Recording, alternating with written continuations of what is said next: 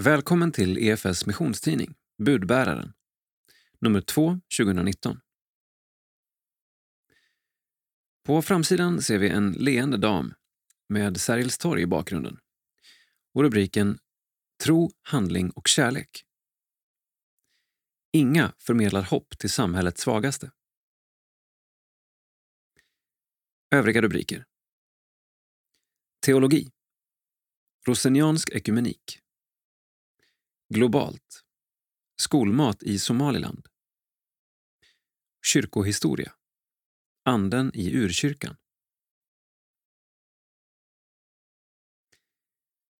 Innehåll.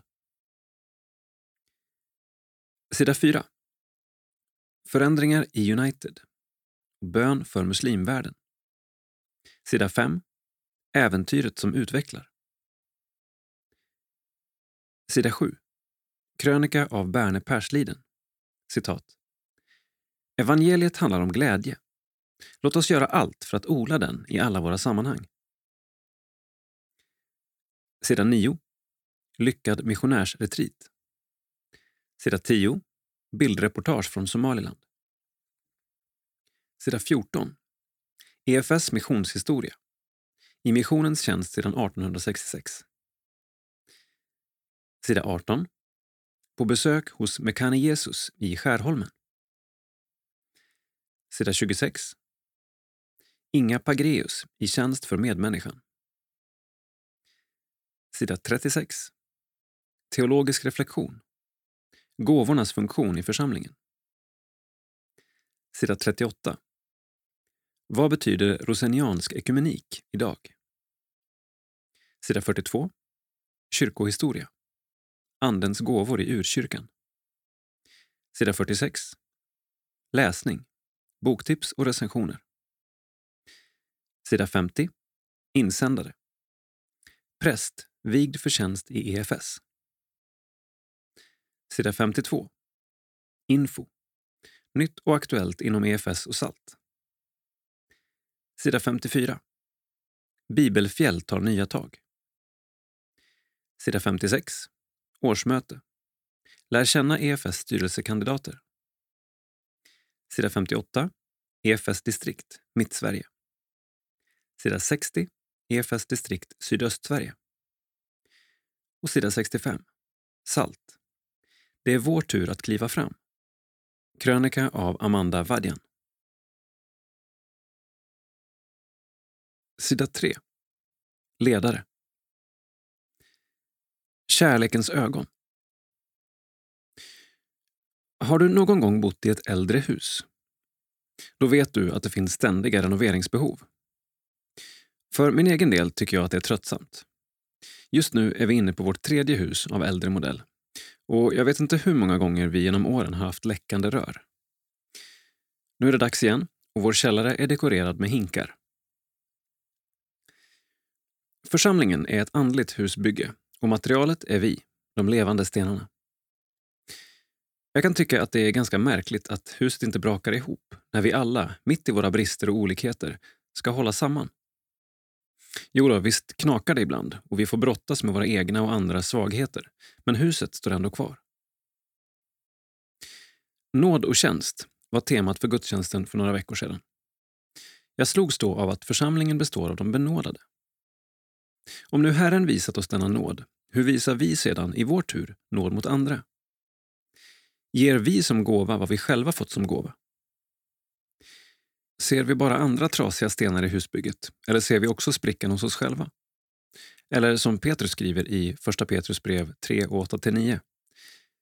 Till sist, ni ska alla leva i endräkt och inbördes förståelse, i broderskärlek, barmhärtighet och ödmjukhet.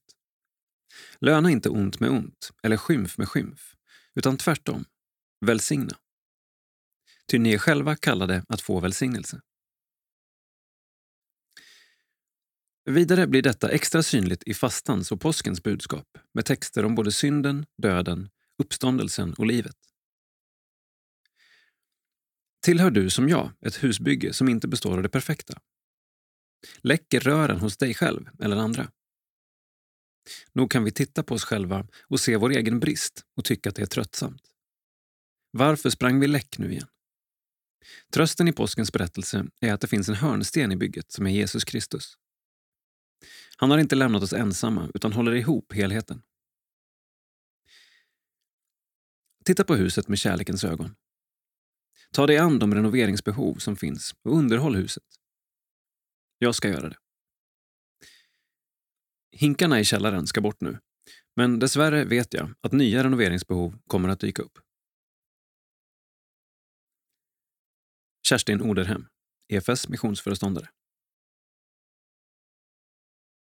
Sida 4. Kortnytt. Förändringar i United. Församlingens grundare lämnar tjänsten som pastor efter nästan 20 år. Magnus Persson lämnar sin tjänst i United Malmö. Det stod klart efter föreningsmötet den 3 mars. Styrelsen skriver i ett brev till medlemmarna bland annat följande. Konsekvenserna av det omfattande kulturbygge som präglat församlingen under många år har inte hanterats tillräckligt och det historiska bagaget hindrar oss från att gå vidare. Nu har det blivit ett stort fokus på det som är smärtsamt i vår församlings historia. Men det är viktigt för oss som styrelse att få säga att vår historia verkligen inte är svartvit utan färgrik. Under vår församlings snart 20-åriga historia finns det mycket att glädjas över och som vi är tacksamma för. Gud har gjort mycket i många människors liv genom vår församling. Vi är också tacksamma för det goda i Magnus ledarskap och förkunnelse som har betytt mycket för många. Vi som styrelse vill tacka Magnus för samarbetsviljan i den här svåra processen och önska Guds välsignelse framåt. I en intervju i tidningen Dagen nyligen sa Magnus det finns en kultur där en pastor har en församling. Och så har vi rört oss mot synsättet att en församling har en pastor. Det är ett samtal och en process som har pågått under vår förändringsresa. Dessutom kommenterar han beslutet att säga upp sig i intervjun. Jag har sagt upp mig och gjort en överenskommelse med styrelsen. Det kan vara bra att United får fortsätta utvecklas utifrån nya friska krafter. Magnus fortsätter sin tjänst som inspiratör i EFS.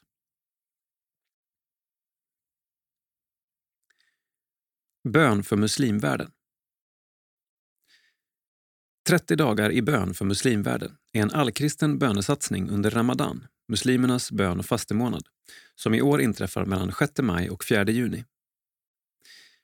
Varje år sedan 1992 producerar den fristående organisationen 30 Days International en böneguide som översätts till ett 40-tal språk. Vill du stå med i den gemensamma bönen tillsammans med bland annat EFS, EFK och Open Doors? Då kan du beställa bönehäftet via international efs.nu. Hallå där, Alexandra Söderberg. Till vardags medlem i Betaniakyrkan i Malmö och en av deltagarna i Träning för pionjärer som EFS anordnar. Varför har du valt att gå denna kurs? Jag var nyfiken på att få lära mig mer om församlingsplantering och har funderat mycket på om jag ska vara med i något sånt framöver. Du var nyligen på den första träffen i Uppsala. Vad gjorde ni där? Vi träffades i två dagar och fick mycket undervisning om olika ämnen. Vi hade också bön och gemenskap tillsammans. Totalt var vi ett tjugotal personer och det här var den första av fyra träffar under året. Vad hoppas du få med dig från kursen? Att få lära mig mer och få tid att reflektera och lyssna till vad Gud har lagt ner för gåvor och tankar för mig och min man på det här området.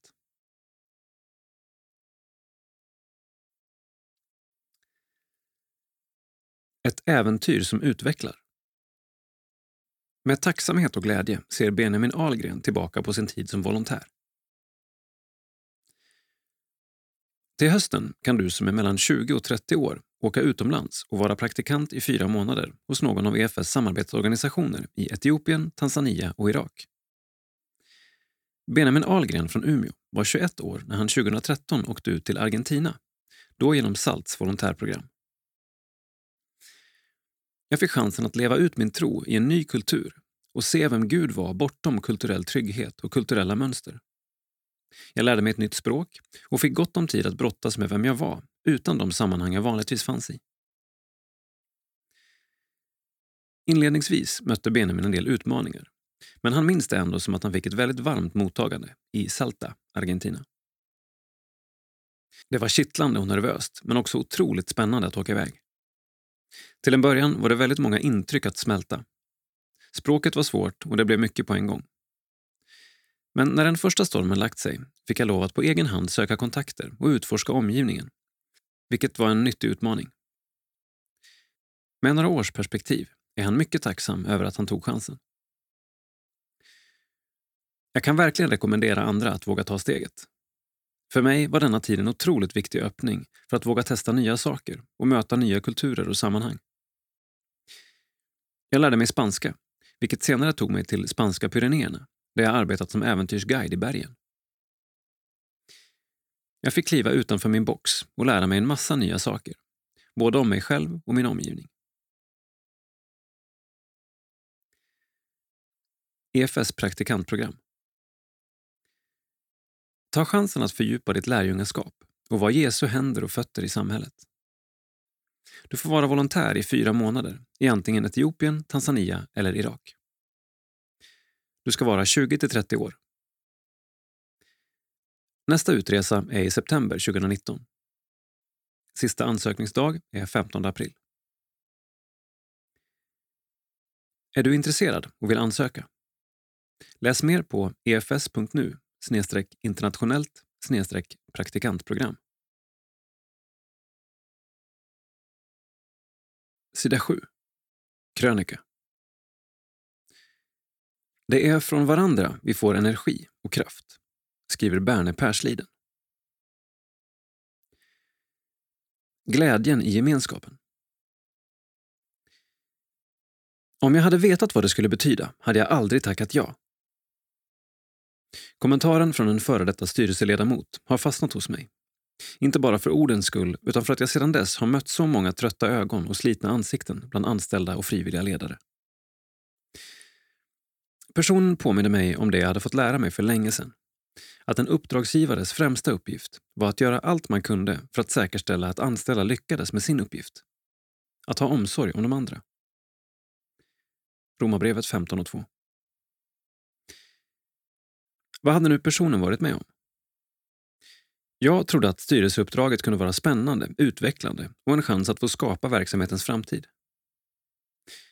Men så hade det tydligen inte varit. Hur hade sammanträdena då varit? Slutade de i tid? Var de väl förberedda? Knöt de an till visionen? Svaret på dessa frågor var förstås nej. Det var mer känslan av att sakta malas ner. Låter jag uppgiven? Det var inte meningen. Jag är mer upprörd och ledsen över att goda krafter och ideella insatser blir tunga och tröstlösa.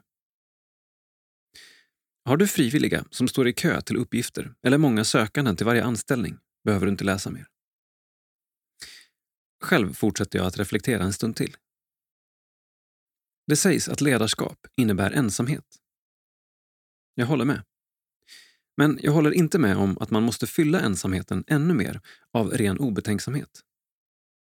Många av ledares uppgifter sker i ensamhet. Man kan vara ensam anställd av föreningen, ensam med sin tonårsgrupp, ensam på sitt kontor. Ja, listan kan göras lång. Kruxet är att den ensamheten är ganska väl dold. Det är inte så enkelt för uppdragsgivaren att se den. Man kanske inte ens befinner sig på samma ort. Vi säger att vi inte tror på ensam är stark, utan ett inkluderande vi. Men förstår vi hur mycket vi behöver arbeta för att åstadkomma detta vi? Det är ju från varandra vi får energi och kraft. Gemenskapen gör oss sedda och bekräftade. Ska det finnas någon hållbarhet i det vi gör behöver vi ta krafttag för att skapa ett sammanhang för ledare som ger energi, inte tar energi. Låt oss börja med att fasa ut ensamarbetsplatser för anställda och frivilliga. De har alla ett stort behov av kontakt med kollegor, fikastunder, chans att testa idéer på varandra och inte minst att skapa gemensamma projekt. Blir fysiska möten alltför komplicerade finns den moderna tekniken att tillgå med exempelvis webbmöten. Låt oss se till att samtliga EFS styrelser får utbildning som ger dem kompetens, läs glädje, i arbetet och kunnighet i att skapa kreativa miljöer. Ja, det betyder att det kommer att kosta pengar. Men pengar är bara medel. Tänk om ryktet börjar gå att man borde söka sig till EFS. För där tar de väl hand om ledare och miljöerna är både kreativa och fyllda med energi. Evangeliet handlar om glädje. Låt oss göra allt för att odla den i alla våra sammanhang. Berne Persliden, ledarskapscoach. Sida 9. Kortnytt. Missionärsretreat vid Langanosjön i Etiopien. Varje dag börjar det med mässa på stranden. I mitten av februari höll EFS en retreat under temat Först måste evangeliet förkunnas för alla folk. För våra missionärer vid Langanosjön i Etiopien. Kaplan för retriten var Magnus Widholm, EFS regionala missionsledare i Sydöstsverige. Vi hade verkligen fina dagar tillsammans. Inte minst var det fantastiskt att få börja varje dag med mässa på den vackra stranden, säger Widholm. För missionärerna är en retreat som denna ett värdefullt tillfälle att stanna upp och samla ny kraft inför alla de utmaningar som de möter. Jag hoppas att våra missionärer känner att vi som rörelse sätter högt värde på deras insatser och att vi verkligen unnar dem att få vara på retreat tillsammans.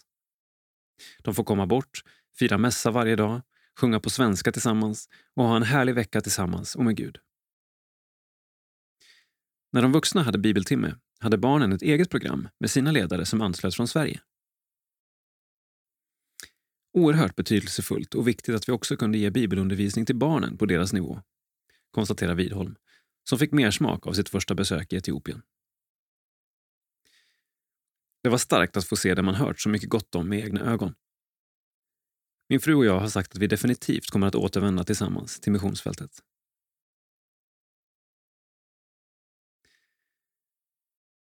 Hallå där, Marie-Louise Nilsson, som tillsammans med Edvin Näslund och Jonas Byström anordnar ett lärjunga och evangelisationsspår i samband med EFS årskonferens.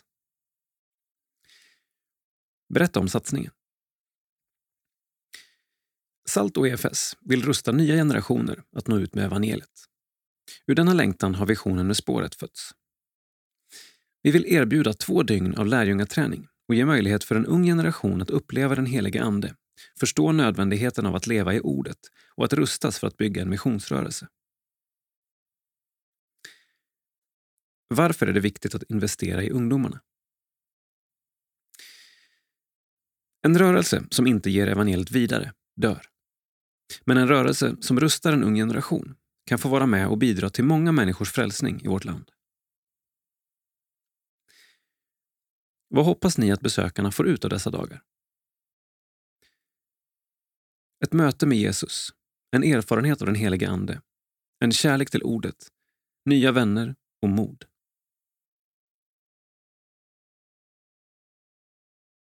Sida 10. Globalt. EFS internationella missionssekreterare Erik Johansson var nyligen i Somaliland tillsammans med missionären Andreas Tornell och Kiros Lakev, Mekane Jesuskyrkans vicepresident. Väl där besökte trion EFS samarbetspartner, Varsan, och fick se det humanitära arbete som de bedriver i några byar utanför staden Hargeisa. Bland annat besökte de en skola och ett internflyktingläger. Det här var en resa som verkligen berörde mig på flera olika plan, säger Erik Johansson. Text Jakob Arvidsson. Bild Erik Johansson.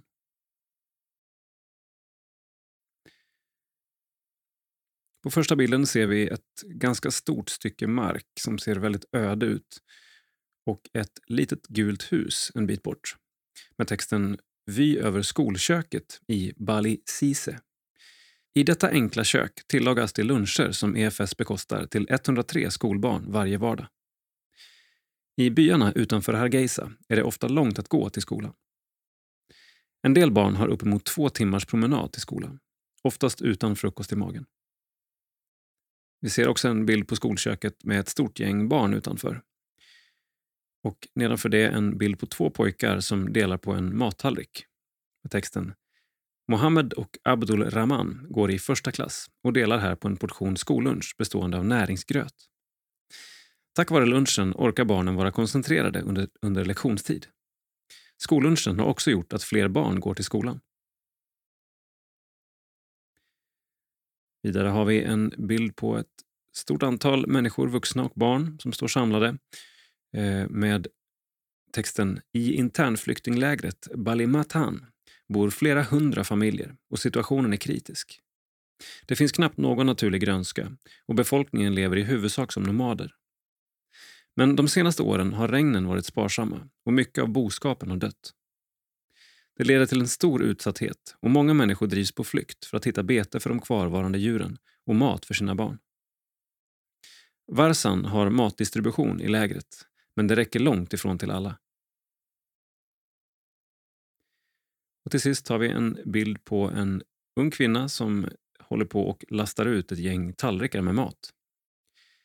Det är full fart i det lilla skolköket som bara är några kvadratmeter stort. Sabad Ismail Osman bär ut tallrikar med mat till de väntande barnen. Med små medel ger EFS och Varsan förutsättningar för fler barn att gå i skola på den somaliska landsbygden. Detta är en mycket grundläggande förutsättning för ett förvandlat samhälle. Helt i linje med EFS vision, säger Erik Johansson. Sida 14. EFS missionshistoria. I missionens tjänst sedan 1866.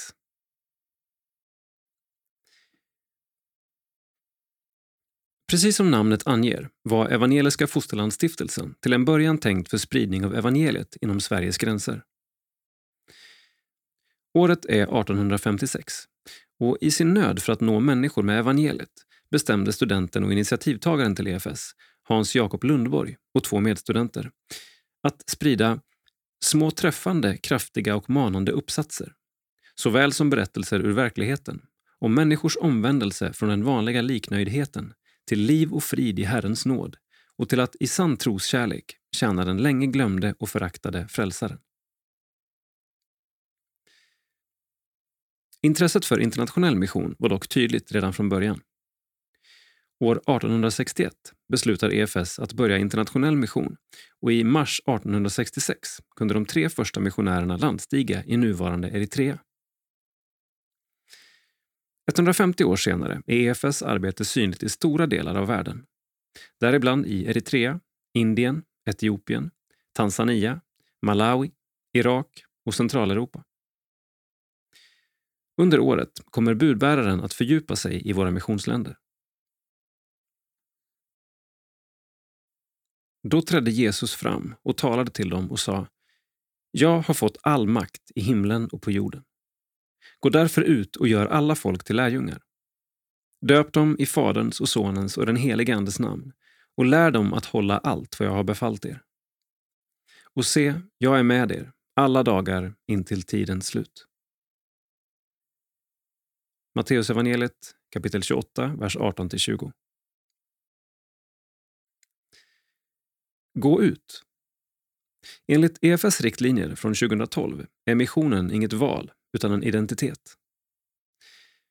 EFS missionssyn utgår från missionsbefallningen där Jesus uppmanar att göra alla folk till lärjungar.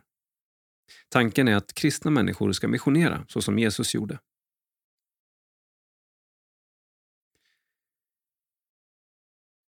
Allmakt.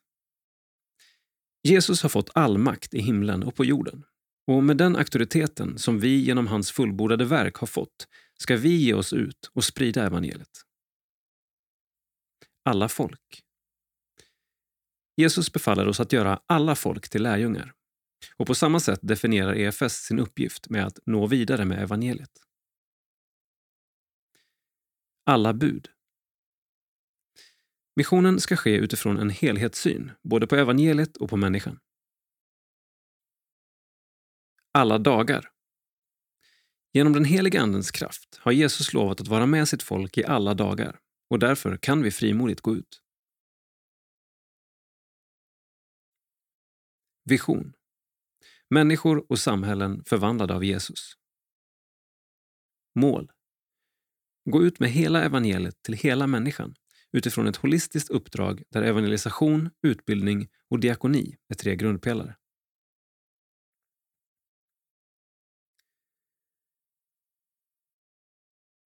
Evangeliet sprids över världen. Här kan ni se några exempel på länder som EFS bedriver missionsarbete i. Eritrea 1866 Här stödjer EFS Evangelisk-Lutherska kyrkan ELCE.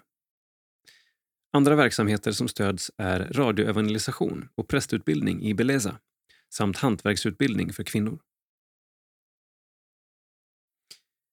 Etiopien 1898 EFS har varit med och byggt upp Mekane Jesuskyrkan som idag är världens största evangelisk-lutherska kyrka med 9 miljoner medlemmar. EFS stödjer även ett sjukhus i Aira. Tanzania 1937 EFS samarbetar med Evangelisk-Lutherska kyrkan ELCT och bland annat deras arbete med barns rättigheter utifrån FNs barnkonvention samt stöd till familjer med funktionshinder. Salomonöarna 1980 till 1989 EFS stödde bibelöversättning. Indien. 1877 EFS samarbetar med Evangelisk-Lutherska kyrkan ELC och stödjer specifikt barnhem i Shapur och sjuksköterskeutbildning i Padhar. Malawi. 1986 EFS stödjer Evangelisk-Lutherska kyrkan ELCM.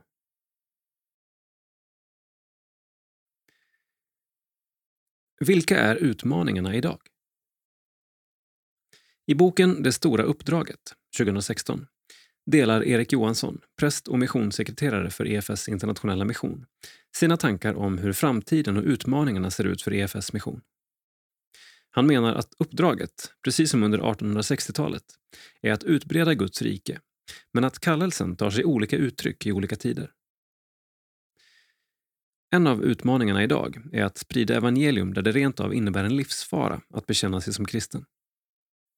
En annan är att fortsätta sända ut missionärer, av kött och blod, och inte låta virtuella hjälpmedel som sociala medier, e-post, telefon och brev ta över helt. För att hålla missionsrörelsen levande är det även viktigt att församlingsmedlemmarna tar sitt individuella ansvar i missionsarbetet, i Sverige och utomlands. I samband med de senaste årens flyktingströmmar, som har inneburit en stor tillökning av nya svenskar med muslimsk bakgrund, är en ny utmaning att möta dessa och fylla deras fysiska, sociala och andliga behov.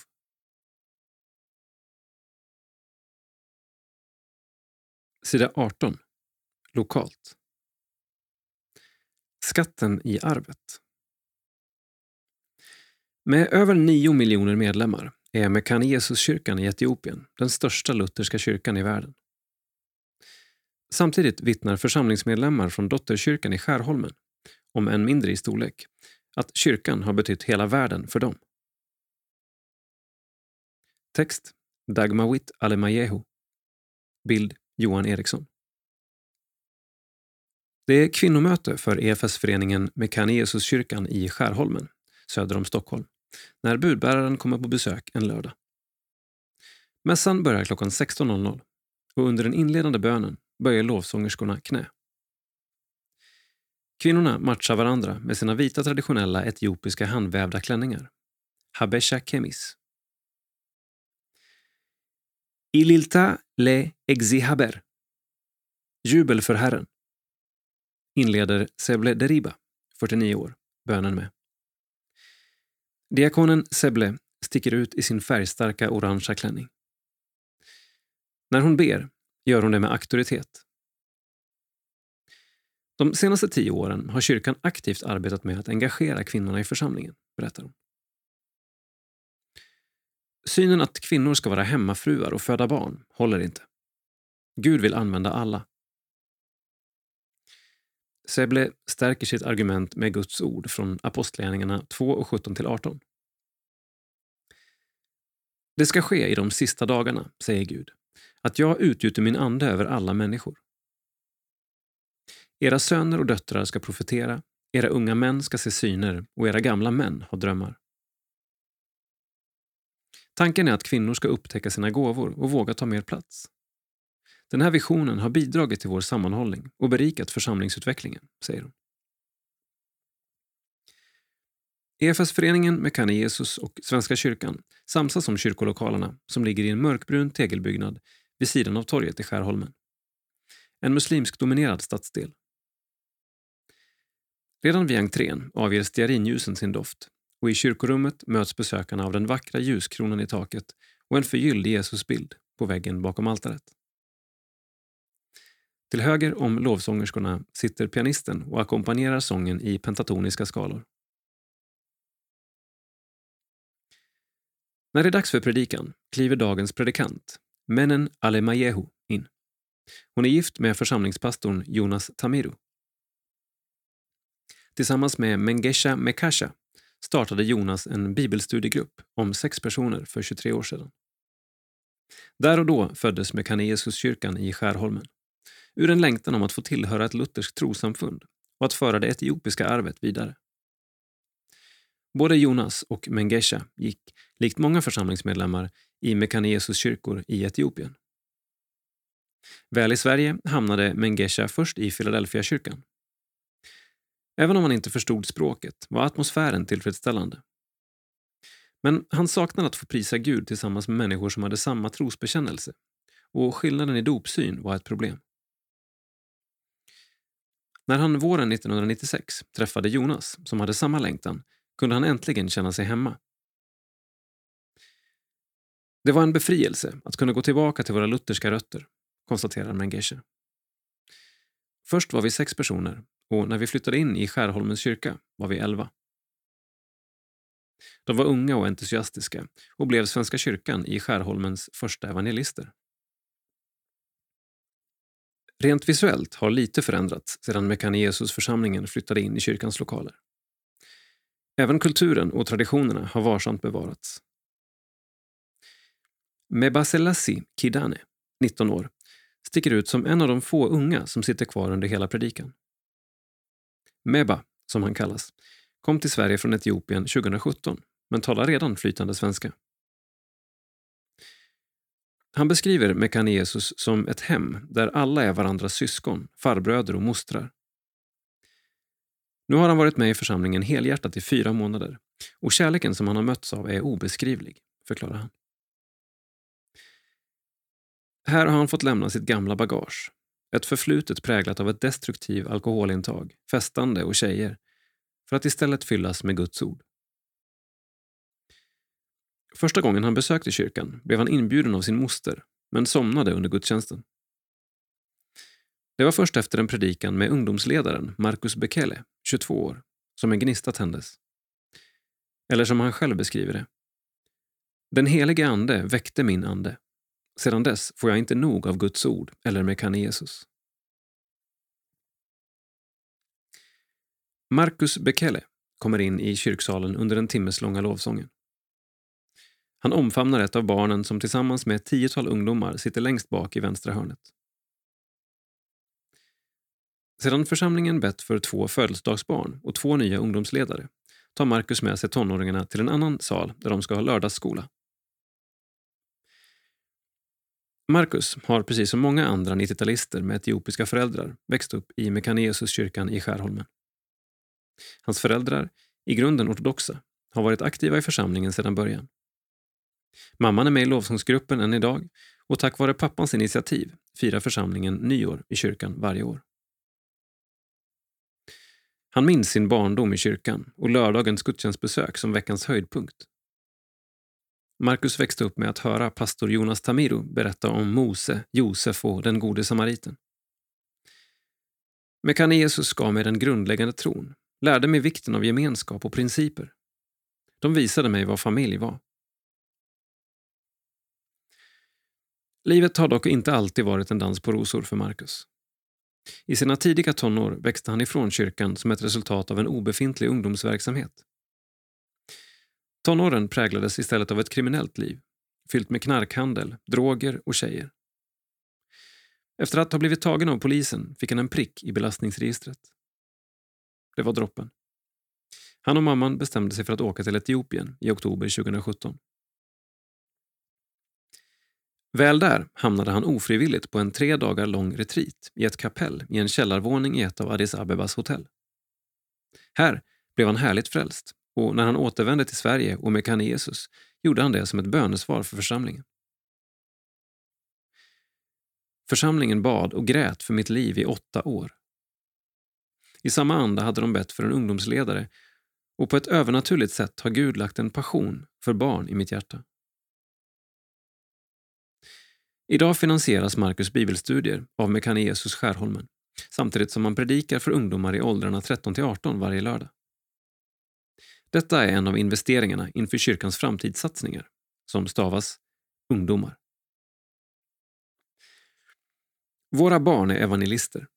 När vi blir gamla vill vi att våra ungdomar ska kunna bära vidare Mekane Jesus-kyrkans arv.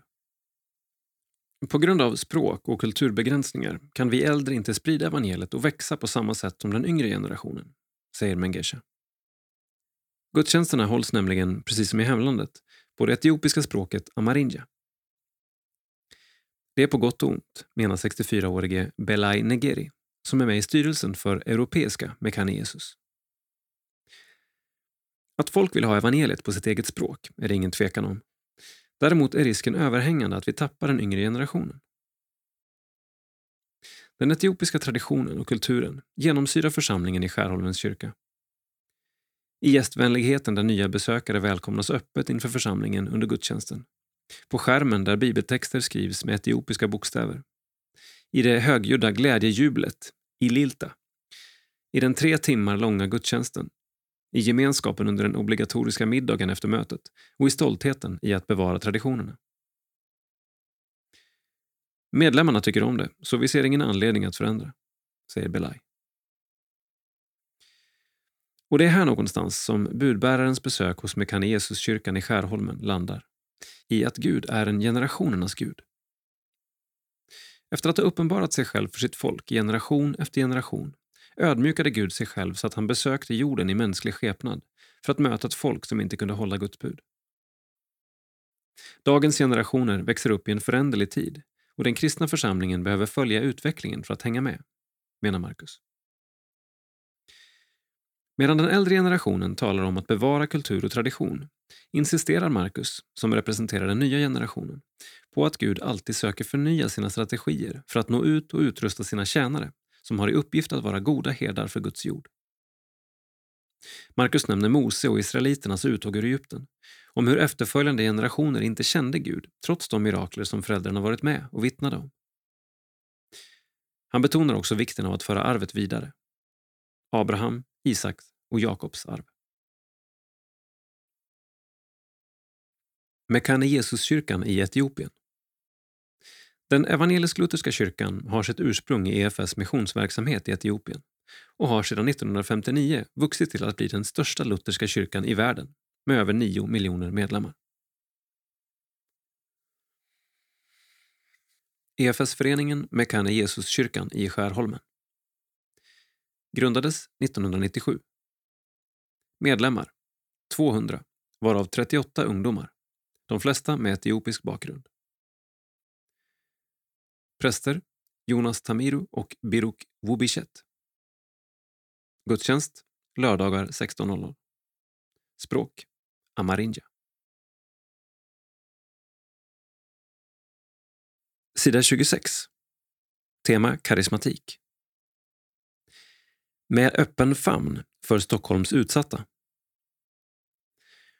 Efter alla år som diakon i Sankta Clara kyrka, nu är Inga Pagreus volontär. Hon fortsätter att förmedla Jesu kärlek till samhällets allra svagaste. Text Jakob Arvidsson. Bild Rickard L Eriksson. Budbäraren möter Inga Pagreus på hennes hemmaplan i kvarteren runt Sankta Klara kyrka mitt i Stockholms hjärta. Promenaden som vi går mellan kyrkan och Plattan, Sergels torg, har hon gått många gånger förut. Inte minst under de 22 år hon arbetade som diakon i Sankta Klara kyrka. Gud välsigne dig som sandar våra gator idag, utbrister hon glatt till en främmande man som kastar ut sand från sin hink vid den halkiga kyrktrappan. Han förstår inte svenska och tittar upp lite förvånat, men blir glad ändå eftersom Inga lyser som en sol mot honom. Redan där, efter bara några minuter, förstår jag en del av Ingas smått unika förmåga att nå fram till sina medmänniskor. Hur utsatta, hopplösa och vinddrivna de än må vara. Vi går vidare längs Klarabergsgatan och jag märker hur Inga ber för sig själv där hon går Heligande, kom. Heligande, kom. Upprepar hon lugnt och stilla. Jag frågar om hon brukar be så ofta.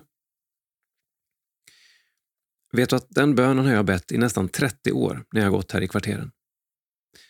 Och när jag vaknar på morgonen brukar jag be Kom nu heligande så går vi.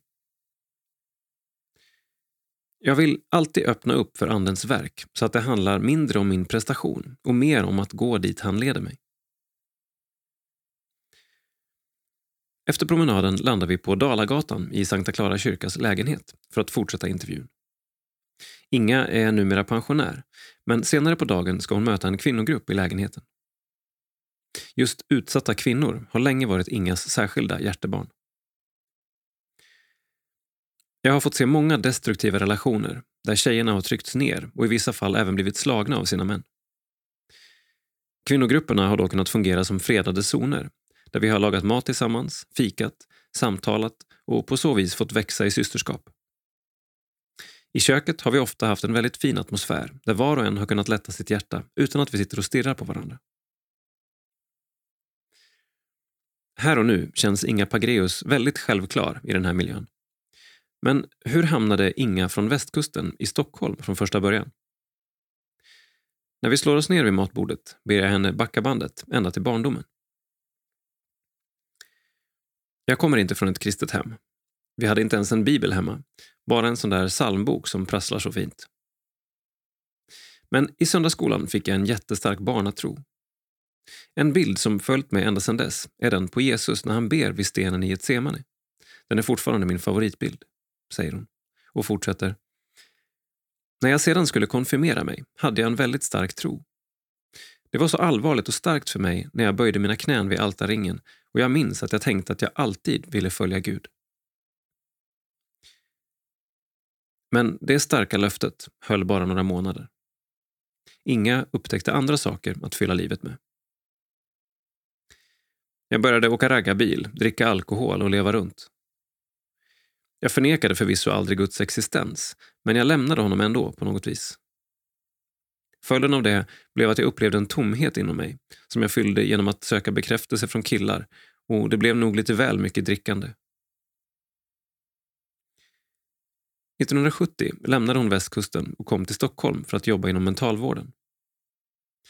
Det året, som 21-åring, träffade hon också sin man. Min man kom inte alls från något kyrkligt sammanhang, men han var väldigt stabil. Vi gifte oss och fick så småningom två jättefina pojkar. Men trots giftermål och bildandet av familj kände Inga fortfarande en tomhet inom sig, som dessutom bara blev större för varje dag som gick. Livet var så tomt och jag fick en verklig existentiell kris. Jag älskade min familj, men något saknades. Fanns Gud? Jag kände mig tvungen att ta reda på det. Hennes man uppmuntrade henne att gå och prata med en präst. Men hon avfärdade förslaget och sa att ingen präst i hela världen skulle förstå hennes brottningskamp. Kontakten med kyrkan återtogs istället när en av sönerna började i kyrkans barntimmar. Barntimmeledaren såg direkt att jag var en sökare och gav mig några böcker som faktiskt gjorde mig ännu mer förvirrad. Jag tänkte att jag aldrig kommer att nå Gud. Vid ett av barntimmetillfällena skulle det vara gudstjänst med nattvard efteråt. En nattvard som kom att förändra hennes liv. Jag ville gärna ta emot nattvarden, men kunde inte. Mitt hjärta var inte berett. Det var en enorm kamp inom mig där i kyrkbänken. Av bara farten var gudstjänsten inne i nattvardsliturgin. Då bestämde jag mig. Jag skulle inte ta emot nattvarden. Om så alla andra gick fram så skulle jag sitta kvar. När församlingen ställde sig upp för att sjunga tillredelsesalmen hände något som skulle få Inga att ändra sig. Jag hörde plötsligt en dånande röst som sa Du ska gå fram och ta nattvarden. Tre gånger i rad hörde jag samma sak. Så jag lydde och gick stapplande fram, nästan mekaniskt, för att ta emot gåvorna. Jag minns att jag sa Gud, nu får du ta över i mitt liv, för nu orkar jag inte mer. Och i det ögonblicket upplevde Inga att hon äntligen fick kontakt med Gud igen, efter flera år av distans. Guds hand hade hela tiden funnits där. Jag fick greppa den och inse att han hade väntat på mig under dessa år. Ingenting var brutet från Guds sida. Jag fick en tydlig wow-känsla och tänkte att kyrkan är hemmet. Hit ska alla komma. Det är här som människor kan få frid i sitt sinne. Hon upplevde också hur hon fick en kallelse om att hon skulle få vara med och bygga en kyrka dit alla skulle vara välkomna. Där och då trodde jag naturligtvis att jag skulle få sätta igång med det nästa dag, skrattar hon. Riktigt så blev det dock inte. Ingas första kyrkliga engagemang var i Viksjö, där hon arbetade som kyrkvaktmästare. Hon blev kvar i den rollen i åtta år och gjorde så gott hon kunde för att skapa det där lilla extra, gemenskaper och mötesplatser som kunde dra folk till kyrkan. Jag hade stora tankar, men utfallet blev inte så jättebra. Jag blev nog lite för ensam i mitt sätt att tänka. Det var först 1989 som Inga fullt ut kunde känna igen sig i den kallelse hon fått. Detta efter att ha läst om Sankta Clara kyrkas nya präst, Karl-Erik Salberg, i kyrkans tidning. I artikeln stod det att Karl-Erik skulle ut och jobba på Plattan och Malmskillnadsgatan. Hela mitt jag kände direkt att det här var en person som jag ville arbeta med. Samma höst sa Inga upp sig från sitt jobb och sökte in till diakoniutbildningen på Ersta. När vi skulle ut på praktik sa jag till studierektorn att jag ville till Klara kyrka och la till att jag skulle jobba där sen. Rektorn sa, men det kan du ju inte veta. Men jag svarade lugnt att det visste jag visst. Inga fick sin vilja igenom och praktiken började med en lunch tillsammans med Karl-Erik Salberg. En lunch som blev startskottet för det som senare skulle bli ett mycket gott samarbete dem emellan. Vi klickade direkt och pratade om hur vi ville bygga församling och hur vi ville nå människor. Han frågade dessutom direkt om jag ville bli volontär och sitta med i ledningsgruppen. Det var stort för mig, för jag ville ju verkligen tas i bruk. Just detta är en av Karl-Eriks riktigt goda sidor. Att se en uppgift för varje människa och våga fråga. Det skulle dröja till augusti 1993 innan det blev någon ledig diakontjänst i Sankta Clara kyrka. Fram till dess var Inga diakon i Vällingby samtidigt som hon var fortsatt volontär i Klara. När tjänsten kom ut var det bara att söka. Jag sa till Gud rakt ut att han fick stoppa det hela om det inte var hans vilja. Under arbetsintervjun satt flera kvinnor som Inga redan hade hjälpt i sin volontärroll och bad högt i kyrkbänkarna. Låt Inga Pagreus få tjänsten. Och så blev det. Inga fick tjänsten och kunde tillsammans med Karl-Erik Salberg äntligen sätta igång och arbeta för deras gemensamma vision. Från kyrkorådet hade vi fått ett tydligt uppdrag om att vi skulle nå de vinddrivna, som Karl-Erik sedan kom att kalla för de tilltufsade.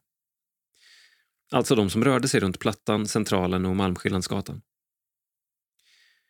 Det svåra var ju att vi varken hade någon erfarenhet eller någon förebild att lära ifrån.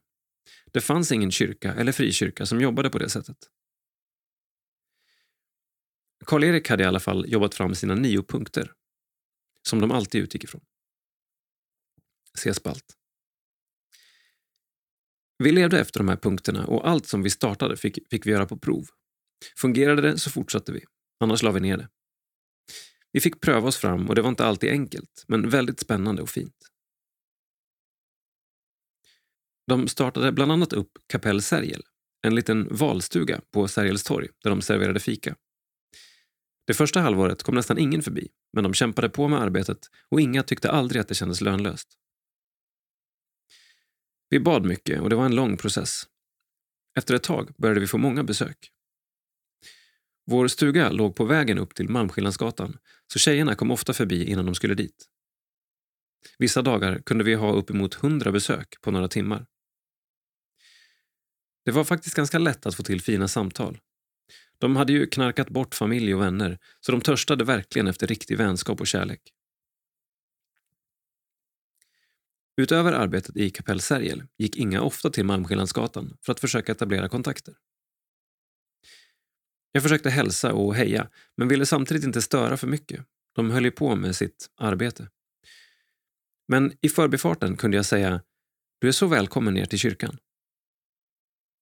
Dagen efteråt stod en av tjejerna jag sagt det till framför mig i kyrkan och jag blev så lycklig. Det var så vi började. Vi välkomnade och de började komma. Till en början utgjorde denna grupp stommen på Klara kyrkas då nystartade eftermiddagsböner som alltjämt är en stöttepelare i denna kyrka. Det var inte helt enkelt att hålla alla i styr. De som ställde sig upp och berättade saker var ibland berusade och påtända. Men de ville verkligen berätta och be. Det var en väldigt härlig tid som jag saknar. Men med ett utökat förtroende och ett utökat kontaktnät följde också fler och fler utmaningar. I början gick vi på en del nitar. En av tjejerna kom fram till mig och ville ha pengar till heroin. Hon berättade att hon blivit våldtagen. Hon var manipulativ och sa “Du vill väl inte att det ska hända igen?” Vad skulle jag svara på det? Jag blev helt kollrig och kallade på Karl-Erik. Han lyssnade in berättelsen och sa till slut med en stilla röst “Ge henne pengarna”. Så fort kvinnan hade gått sin väg upplevde Inga en stor sorg i hjärtat. Det slutade med att jag grät hela dagen. Allt var bara ett stort mörker och jag kände att jag hade förrått Jesus. Då kom ett bibelord till mig, det som Petrus sa till mannen som tiggde vid sköna porten. Silver och guld har jag inte, men vad jag har, det ger jag dig. Det är Jesus vi ska peka på. Det är Jesus som är utvägen, räddningen och hoppet. Det är Jesus som verkligen kan förvandla liv. Eftermiddagsbönen, som hålls varje vardag, hjälpte henne särskilt den dagen och många andra dagar. Den har faktiskt betytt allt. Där kunde vi lägga av oss allt som var tungt, för det var ofta tufft och väldigt svårt med missbrukarna som vi så gärna ville hjälpa. Vi var alltid med på bönen, den var vårt vattenhål. Där la Gud sina visioner och sin längtan i våra hjärtan. Och om bönen alltid har varit Klara kyrkas ena stöttepelare anser Inga att lovsången är den andra. Men det var långt ifrån självklart att de skulle få börja med lovsång i gudstjänsterna. Vi fick verkligen tjata. Musikerna ville inte släppa in lovsången i gudstjänsterna och vi hade flera tuffa möten. Till slut klagade Karl-Erik till Caroline Krok, som då var domprost. Hon uppmuntrade oss alltid och kallade oss för församlingens spjutspets. Konflikten slutade med att hon beordrade musikerna att vara lediga en söndag i månaden. Så de söndagarna sjöng vi lovsång som aldrig förr. Vilken seger det var för oss.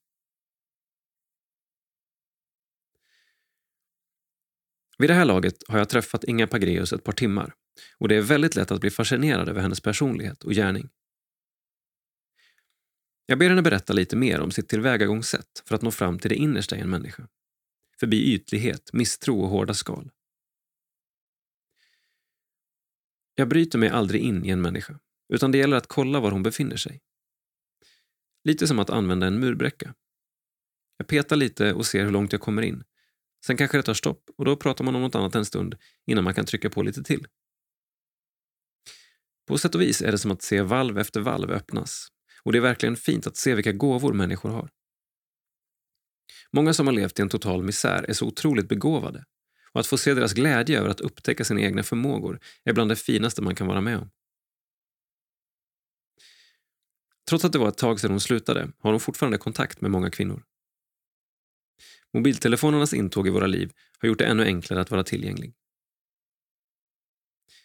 Sms-kontakt är väldigt bra. Jag får en hel del berättelser och tankar från kvinnorna och brukar ofta svara med änglar och gula hjärtan. De må vara gula, men jag tänker att det är guldhjärtan som får visa på hur värdefulla de här kvinnorna är för mig. Inga ska snart fylla 70 år och det är med stor tacksamhet, stolthet och glädje som hon nu får se att arbetet som hon och många andra grundlagt får fortsätta i full fart. Det är verkligen en fin tid nu.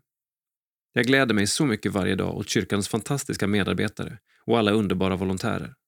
De är helt otroliga. Fysiskt är hon lite hämmad och hon går med hjälp av en krycka. Själsligt känner hon sig dock hur pigg som helst och hon har inga planer på att sluta engagera sig i kyrkan och ta varje chans hon får att berätta om Jesus. Det är bara bra att jag haltar lite så att andra får hjälpa mig. Det skapar kontakt.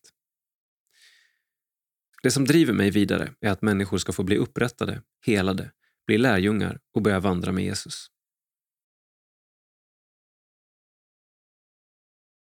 Inga Pagreus. Ålder fyller 70 i år. Bor Kungsholmen. Intressen? Läsa, laga mat och måla akvarell. Älskar att baka och leka med mitt barnbarn Julian, tre år. Läser Simon Ådals bok Resan som fortsatte. Bibeln och dikter. Drömmer om att få åka till Jerusalem igen snart. Älskar att gå i de judiska kvarteren.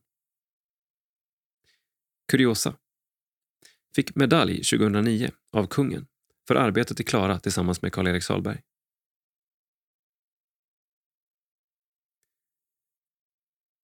Karl-Erik Salbergs nio punkter.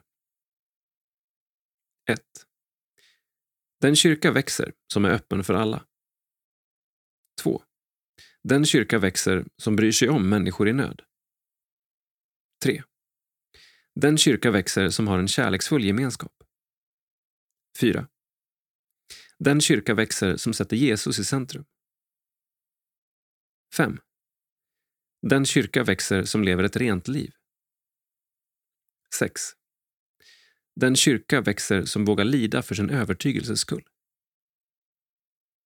7. Den kyrka växer som söker Gud i bön. 8. Den kyrka växer som använder lekmännen. 9. Den kyrka växer som är beroende av den helige Andes kraft.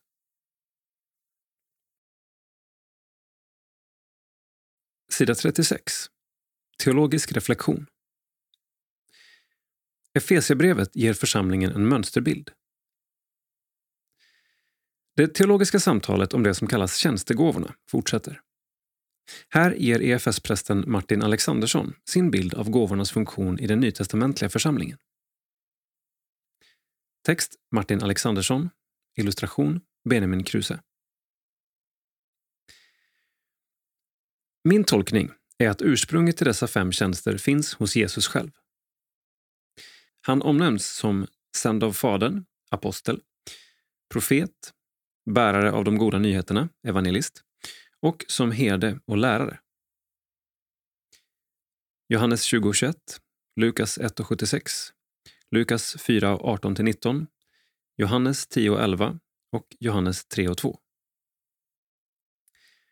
När Paulus sedan skriver Efesiebrevet med instruktioner till församlingen om hur den ska fungera utgår han från Jesus och skriver att i och med Jesu himmelsfärd blev dessa tjänster tillgängliga för församlingen.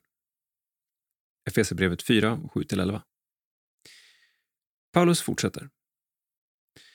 Och han gav några till apostlar, andra till profeter, andra till evangelister och andra till herdar och lärare, för att utrusta de heliga till att fullgöra sin tjänst att bygga upp Kristi kropp, tills vi alla når fram till enheten i tron och i kunskapen om Guds son, som en fullvuxen man med ett mått av mognad som motsvarar Kristi fullhet. Efesierbrevet 4 och 11-13, Svenska folkbibeln 2015. Enligt Efesierbrevet 4 och 12 är tjänstegåvornas uppdrag att utrusta de heliga till att fullgöra sin tjänst att bygga upp Kristi kropp. De ska alltså utrusta församlingen med sitt perspektiv och sina gåvor så att församlingen i sin tur fullgör sin tjänst att bygga upp Kristi kropp. Här tror jag att vi ofta har missförstått dessa tjänster och trott att de själva ska göra arbetet. När det gäller evangelisten kan till exempel de övriga vara glada över att han eller hon har pratat med icke-kristna, så att vi andra slipper. Men som jag ser det är evangelistens huvuduppdrag att utrusta församlingen att vara mer evangeliserande och herdens uppdrag är att göra församlingen mer herdelik, etc. För att kunna utrusta församlingen tror jag att dessa tjänster behöver leva och utvecklas i sin egen tjänst, men samtidigt också prioritera att utrusta andra. Uppdraget handlar inte enbart om ett teoretiskt utrustande, utan framförallt om att praktiskt leva ut sin tjänst och hjälpa församlingen att växa vidare inom det området. Vi kan beskriva det som att varje tjänstegåva har ett område som den bär och som enklast märks i den instinktiva kontrollfråga varje tjänstegåva har. För aposteln kan det vara Går vi vidare med evangeliet? För profeten Är det detta som ligger på Guds hjärta för oss nu? För evangelisten Kommer nya människor till tro? För herden Far människor illa? Och för läraren Är det rätt lära? Dessa perspektiv kommer från tjänsternas uppdrag och vi skulle kunna se dem som Jesu fem perspektiv. När en herde oroas över om människor far illa är det därmed Jesu herdehjärta som talar. I Nya testamentet ser jag ingen tydlig ledning kring huruvida alla har en tjänstegåva eller inte. Klart är dock att vi kristna har fått olika gåvor och personligheter från Gud i skapelsen och genom den helige Ande, samt att vi har olika perspektiv och hjärtefrågor. Den logiska slutsatsen utifrån att de med tjänstegåvor har uppdraget att utrusta församlingen blir att detta utrustningsuppdrag inte kan ligga på alla.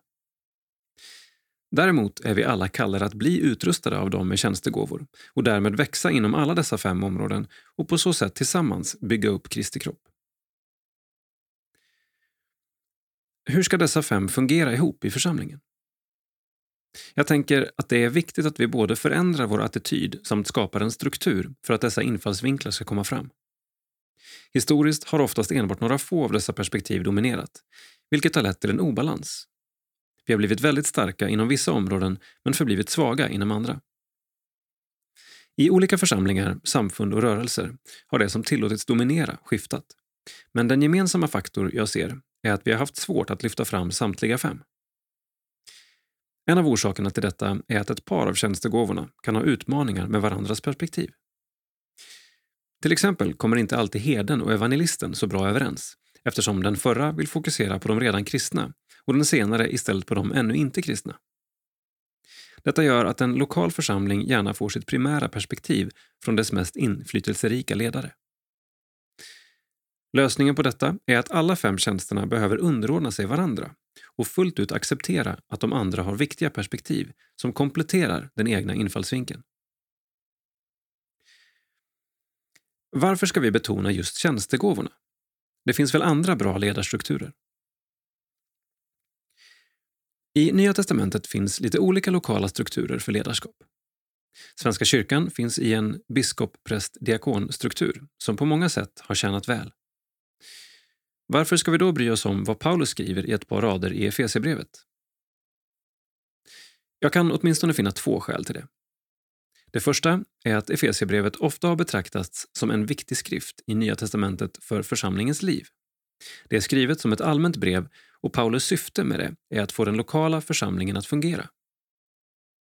Därför ser jag det som naturligt att ta hans undervisning på allvar.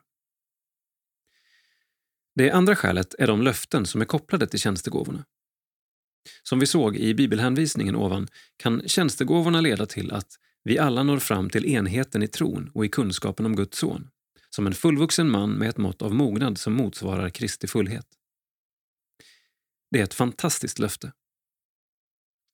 Därför ser jag mycket goda skäl att tro att tjänstegåvorna har en unik funktion i församlingens ledarskap och att det därmed är något vi behöver undersöka mer och söka Guds kunskap om. Sida 38. Teologi. Roseniansk ekumenik. Vad betyder det idag?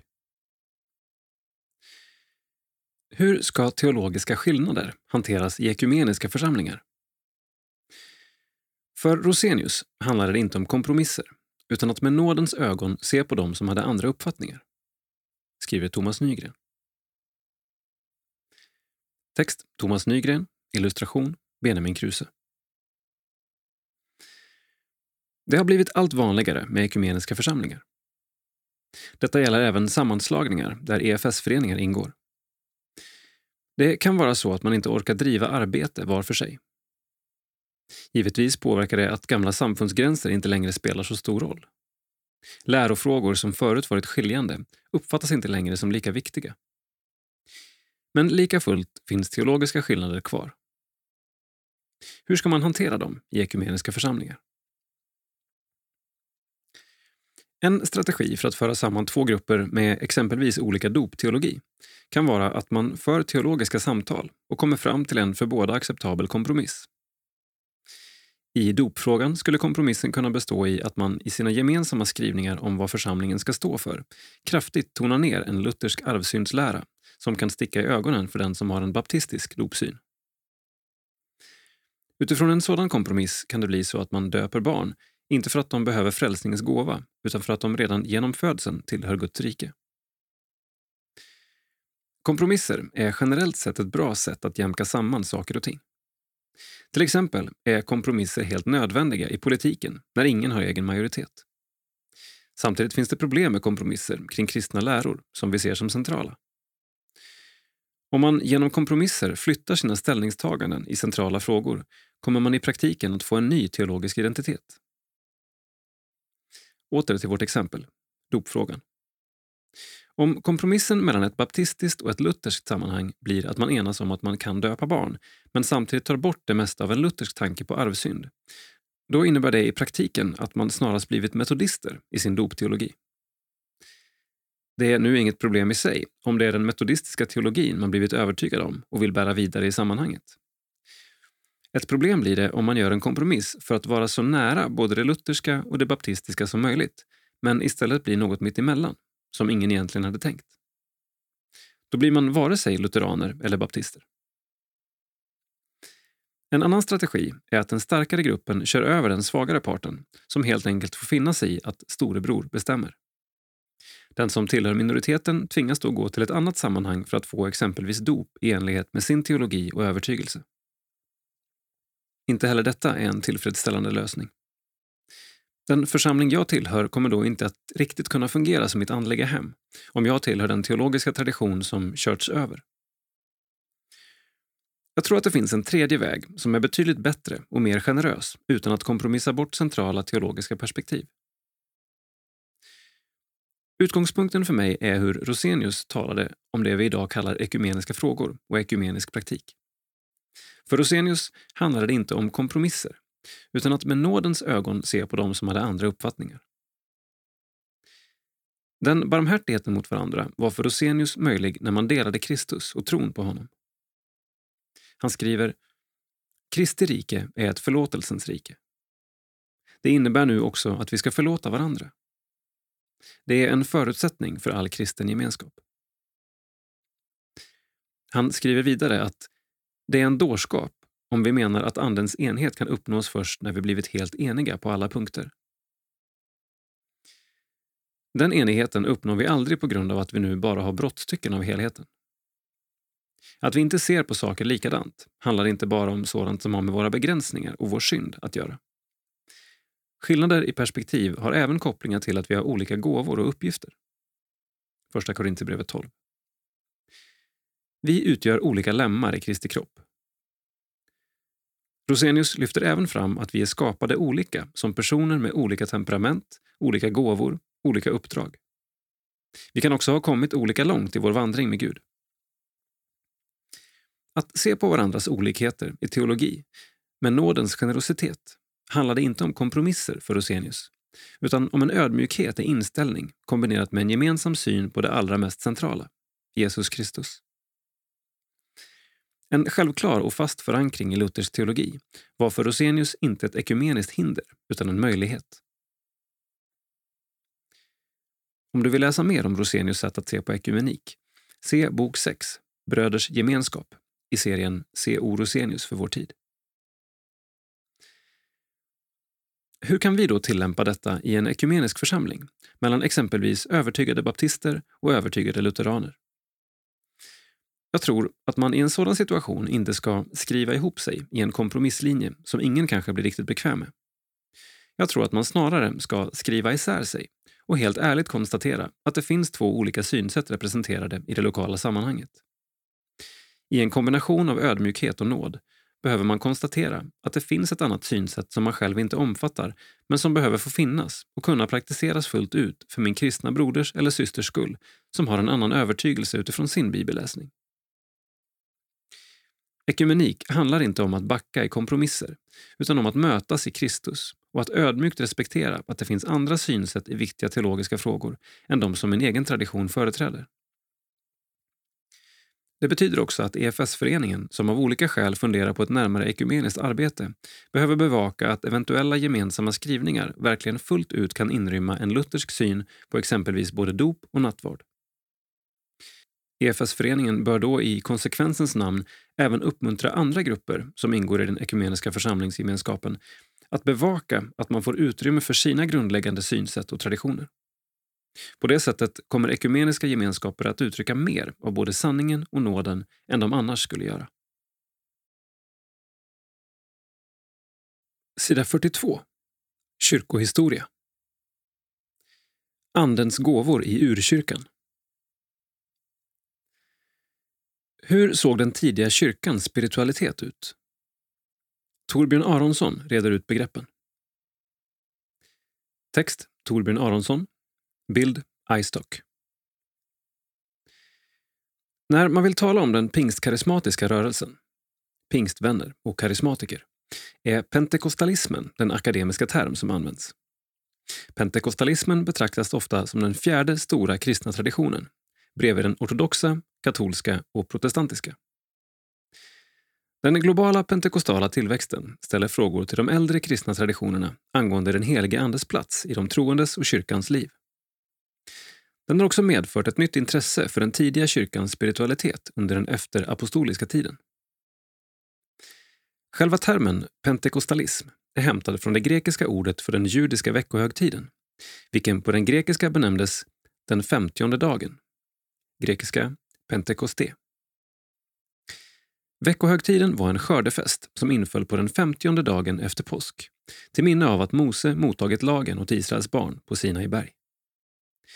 Det var på den dagen som den helige Ande utgöts över apostlarna i Jerusalem enligt Apostlagärningarna 2 och 4. Vad var det som hände mellan apostlatidens tro och praktik och den europeiska medeltiden? Fortsatte tungotal, helande och profetiska gåvor i församlingen under de århundraden som följde på apostlarnas död? Vad hade kyrkofäderna att säga om saken? Faktum är att de två århundraden som följde efter apostlarnas död liknar vår tid i fråga om det karismatiska mer än någon annan tid i kyrkans historia. Det var en tid som innehöll både karismatiska församlingar, kvinnliga profeter och antikarismatiska biskopar. Välkända vittnesbörd om karismatiska manifestationer finner vi hos kyrkofäderna Justinus martyren, cirka 100-165, Ireneus, 130-202 och Tertullianus, 160-225. Genom de kappadokiska fäderna under 300-talet beskrevs och motiverades den kristna teologins syn på den helige Ande.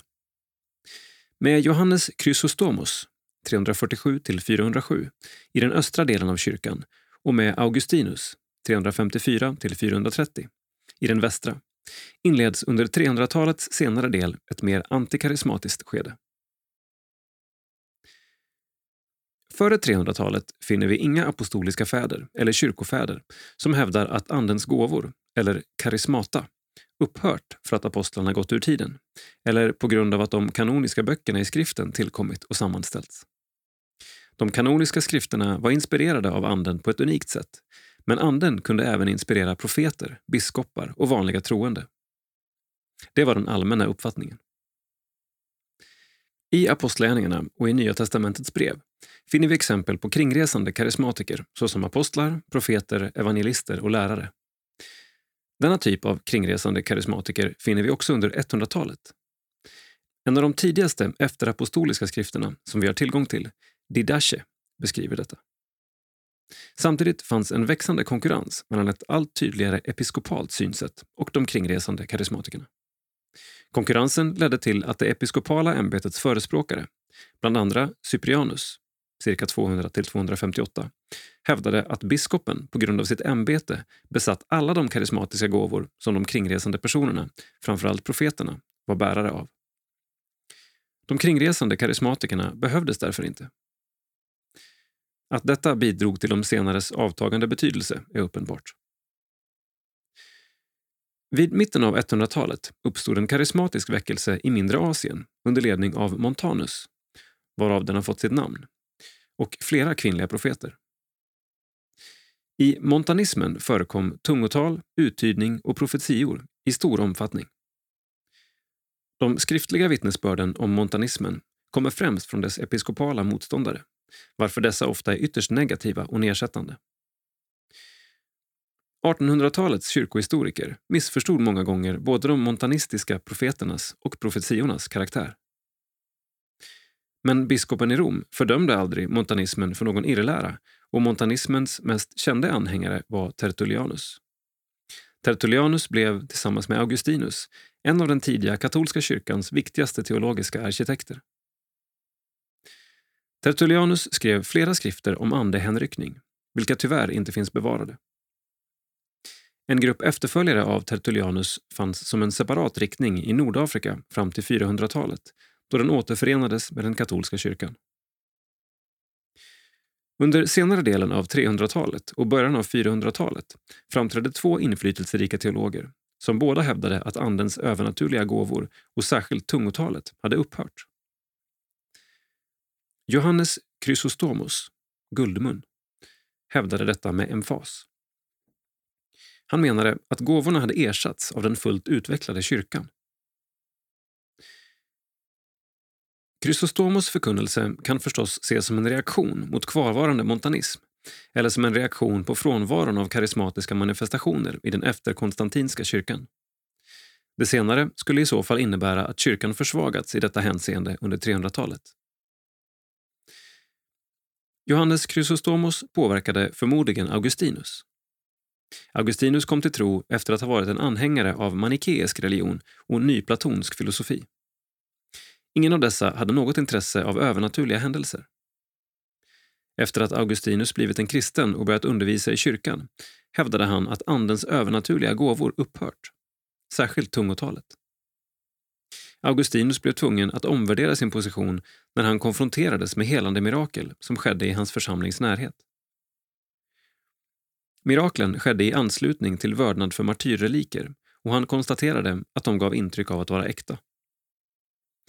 Här förebådade Augustinus den mirakeltro som skulle växa i omfattning under medeltiden.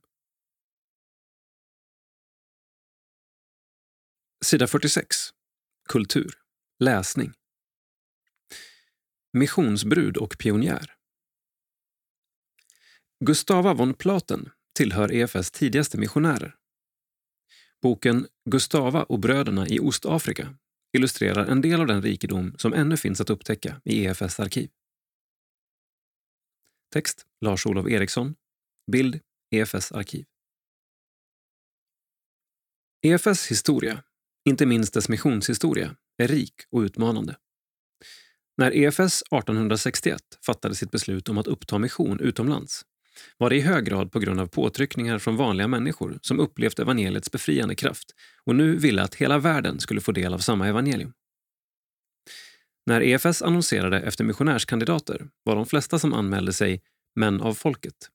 Det betyder i sammanhanget att de var hantverkare eller möjligen folkskollärare eller kolportörer. Ty det handlade i början om män, ogifta män. Ganska snart kom dock frågan upp om att sända ut kvinnor, så kallade missionsbrudar. Dessa sändes ut på de manliga missionärernas begäran och enligt deras önskemål. Det var inte så att EFS styrelse utsåg hustrur åt de manliga missionärerna. Bland de tidiga missionsbrudarna finns Gustava von Platen. Hennes namn röjer en annan bakgrund än den vanliga bland de manliga missionärerna. Hon var utbildad lärarinna och språkkunnig. Hon var förlovad med Bengt Petter Lundahl som rest ut till nuvarande Eritrea 1868. I sin dagbok berättar Gustava von Platen om sina förberedelser för att förenas med sin fästman, om sin resa ut till missionsfältet och om tiden där. Utdrag ur denna bok finns nu, tillsammans med brevmaterial, utgivna i Gustava och bröderna i Ostafrika. Boken ger en inträngande skildring, inte minst just av den strapatsrika resan ut till missionsfältet. Gustava von Platen reser tillsammans med tre manliga missionärer. Det är påtagligt hur hon på många sätt är den som håller humöret uppe i gruppen. Det är lätt att se att hon är både initiativrik och modig. Hon vet vad hon kan och vill. Gustava von Platens arbetsperiod som missionär blev inte särskilt lång. Ungefär tre år, om utresan tas med. Hon lämnade Stockholm i november 1869, kom till Massaua i juli 1870, gifte sig i augusti samma år, dog i samband med barnafödande i december 1872. Gustava von Platen tillhör EFS tidigaste missionärer och hon är en av de första kvinnorna som sänds ut. Hennes dagbok är en ögonvittnesskildring fylld med vardagliga iakttagelser och medvetna reflektioner. Hennes tro är djupt rotad, hennes kallelsemedvetenhet stark, hennes drömmar framsynta. På ett personligt sätt speglar hennes dagbok den evangeliska väckelsens grundläggande vilja att nå vidare med evangeliet. Dessutom illustrerar Gustava och bröderna i Ostafrika en del av den rikedom som ännu finns att upptäcka i EFS arkiv. Hallå där, Ingrid Kågedal. Författare av Gustava och bröderna i Ostafrika som utkommer under mars. Varför skrev du boken? Jag sökte efter något att skriva om och då blev Gustavas dagbok presenterad för mig. Jag valde inte henne, utan hon valde mig. Varför är Gustavas berättelse viktig? Kvinnor nämndes ofta inte vid namn i de tidigare missionsrapporterna, men de har ett perspektiv som är viktigt att lyfta. Gustava skrev om ett vardagsliv som männen inte bekymrade sig om. Var det något med hennes liv som förvånade dig? Trots att Gustava var en skyddad adelsdam innan hon åkte iväg var hon en mer robust och handlingskraftig kvinna än man kunde vänta sig. Vem bör läsa boken? De som vill veta något om EFS pionjärmission i Eritrea sedd ur en kvinnas perspektiv.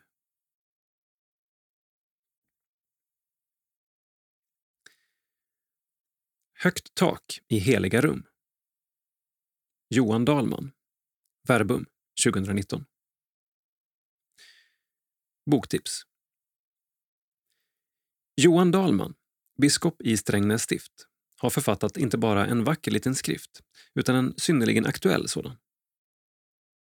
I alla fall om man är involverad i Svenska kyrkans verksamhet på något sätt. Den handlar om kyrkans byggnader. Han konstaterar att kyrkobyggnader och kyrkorum aldrig är tomma, aldrig tysta. För de rymmer Guds tilltal, vilket enligt honom gör dem oändligt värdefulla. Bland annat svarar han på följande frågor. Vad händer när vi med tron och traditionen i ryggen utforskar möjligheten att bruka våra kyrkobyggnader på ett nygammalt sätt? Hur tar vi vara på Svenska kyrkans viktigaste materiella resurs? Vågar vi låta flyttlassen gå från kanslihus och församlingshem tillbaka till kyrkobyggnaden? Och vad händer när fler får en egen nyckel till kyrkorummet? Boken vänder sig i första hand till de som har ansvar för kyrkobyggnaderna, men också till övriga anställda, förtroendevalda och engagerade.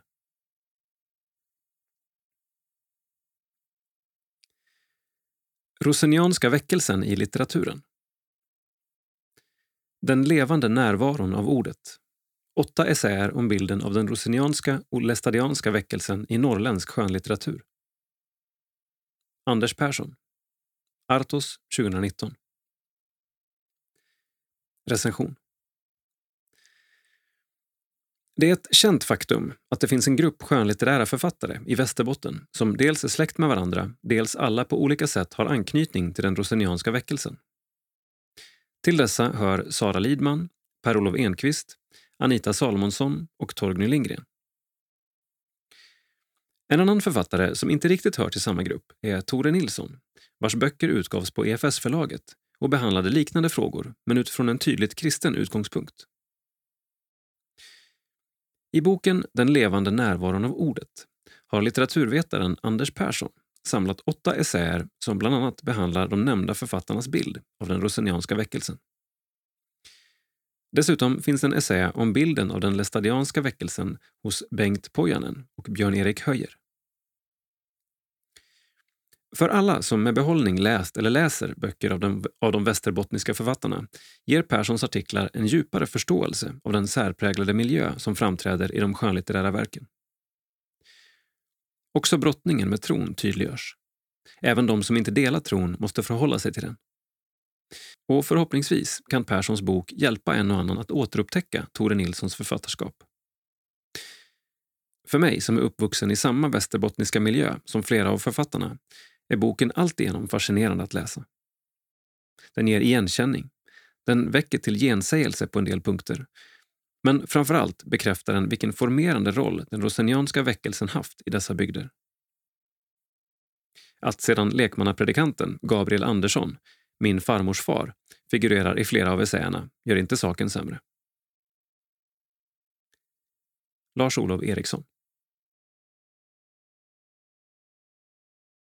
Sida 50. Insändare. I en insändare lyfter Bengt Burström och Bengt Gustafsson frågan om hur användbara de präster är som vigs för tjänst i EFS.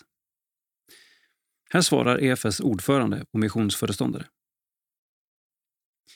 Präst, vigd för tjänst i EFS.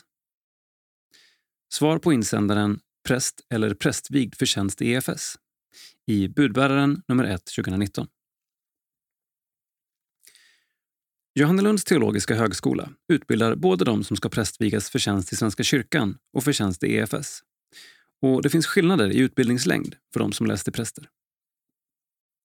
Det beror på om man vill utbilda sig för tjänst i Svenska kyrkan eller i EFS. Det handlar om cirka ett års kortare studier för den som ska arbeta i EFS. Men utbildningen innehåller då mer praktisk teologi. Problemet som skribenterna lyfter är att präster vigda för tjänst i EFS inte kan söka komministertjänster. Det är sant, men det går att komplettera sina studier i efterhand i samråd med aktuellt stift.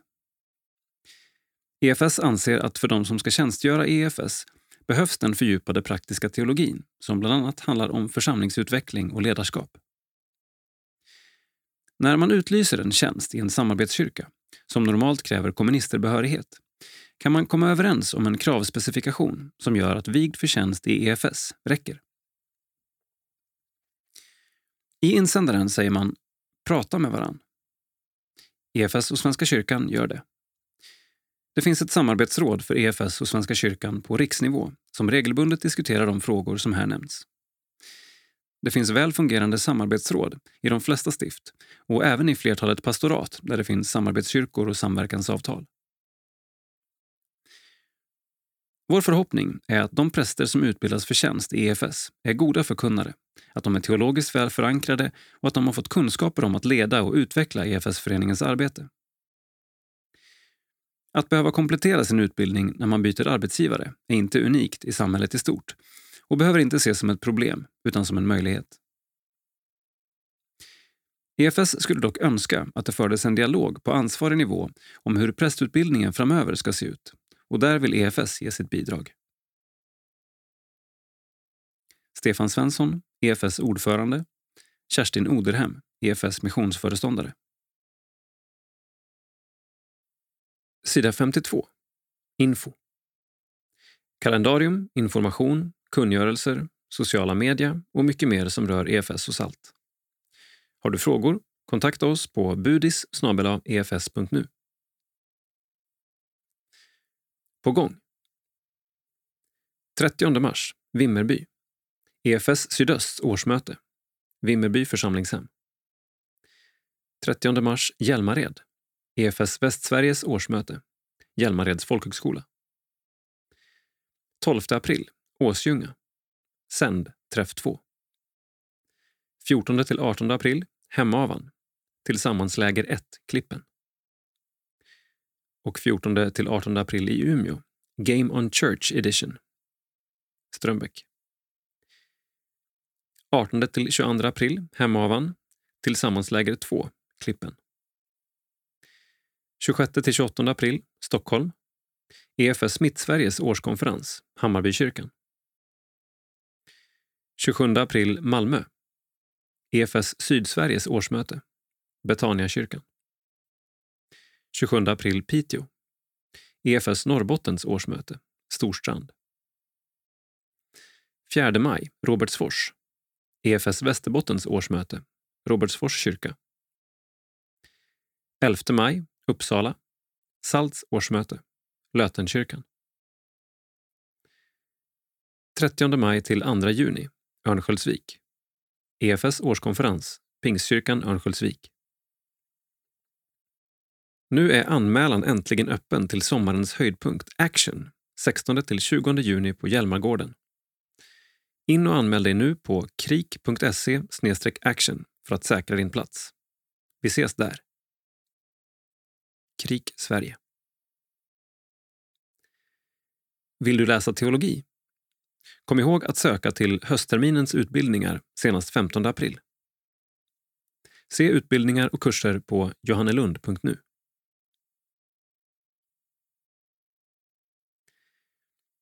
Bibelfjäll tar nya tag.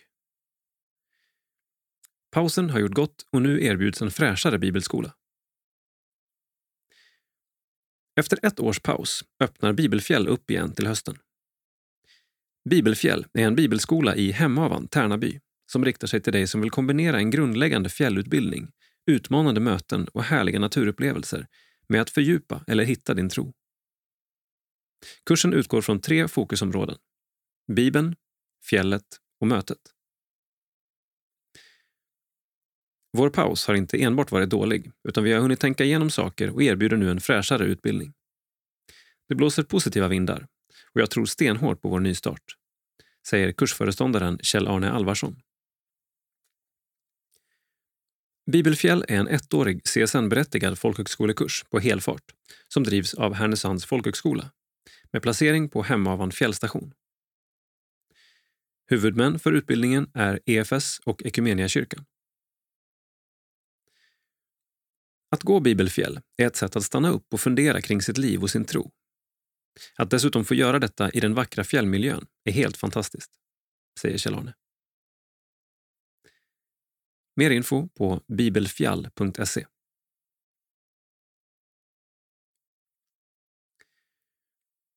Högtidsträff för Rosenius-sällskapet 40 hittills okända predikomanus från Rosenius ska publiceras. Den 16 februari träffades Rosenius-sällskapet i Betlehemskyrkan, Stockholm, för att fira sin årshögtid. Magnus Persson, nyligen prästvigd i EFS, berättade hur boken Syndens dagliga plåga väckte hans intresse för Rosenius och medförde en radikal förändring i hans trosliv. Från härlighetsteologi till ärlighetsteologi. Hans egen synd blev smärtsamt avslöjad, men Rosenius lämnar inte honom där med skulden och skammen. Istället pekar Rosenius på nåden i Kristus som enda räddningen. På årsmötesförhandlingarna fick styrelsen förnyat förtroende. Sällskapet har idag 51 medlemmar och syftar till att sprida kunskap om C.O. Rosenius, 1816 till 1868. En av vårt lands största väckelsepredikanter. Hans böcker har tryckts i miljonupplagor och översatts till 40 olika språk.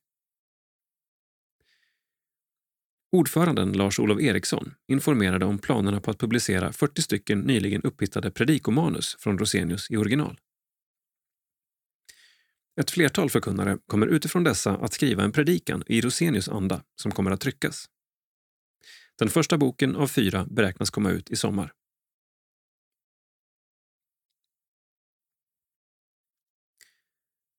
Rättelse i det senaste numret av Budbäraren skrev vi att Dalvikskyrkan i Jönköping är den äldsta samarbetskyrkan mellan EFS och Svenska kyrkan som fortfarande är i bruk.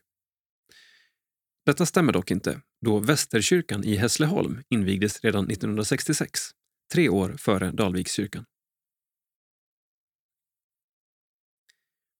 Tipsa budbäraren. Har du ett nyhetstips? Mejla till budis efs.nu. E Insamling. Vad är ett rekordår? År 2017 var ett rekordår för EFS insamlingsarbete och vi lyckades inte överträffa det under 2018. Istället landade vi någon miljon kort i insamlade medel. Men det kompenserades med bland annat besparingar så att resultatet för hela rörelsen trots allt blev positivt. Men det faktum att 2017 initialt såg ut att bli ett dåligt år och att vi därför upprepade gånger kommunicerade kris, vilket till slut fick effekt, stämmer till eftertanke. Är det något lägre givandet under 2018 en reaktion på föregående års kriskommunikation? Borde vi alltid kommunicera kris med stora bokstäver? Och är det i så fall hederligt mot rörelsen? Det faktum att en allt större del av givarna till EFS inte är medlemmar i någon missionsförening manar också till reflektion. Vi ser att våra så kallade externa kampanjer, som i första hand vänder sig till människor utanför EFS, går väldigt bra. Ett aktuellt exempel är kampanjen Klara vintern till förmån för Sankta Klaras diakonala arbete i Stockholm. Jag tror att det är för att det EFS gör, både här hemma och ute på missionsfälten, i första hand handlar om människor. Därför är det uppenbart att en gåva till EFS är en investering i att människor och samhällen får möjligheten att förvandlas i evangeliets kraft. Och detta är det främsta skälet till att jag kommer att öka mitt personliga givande under 2019. Vill du göra detsamma? Johan Eriksson, EFS kommunikations och insamlingschef. EFS fick 1,6 miljoner kronor från Humanfonden 2018 års utdelning från Swedbank Roburs humanfond till EFS blev 1 643 984 kronor. Den summan är tack vare alla ni som fondsparar i Humanfonden och valt EFS som mottagare för de 2% av utdelningen som delas ut årligen till ideella organisationer. Att spara i Humanfonden är att spara med hjärtat. Utdelningen är ett stort tillskott till EFS missionsarbete och du som vill börja spara i Humanfonden kan läsa mer på efs.nu humanfonden.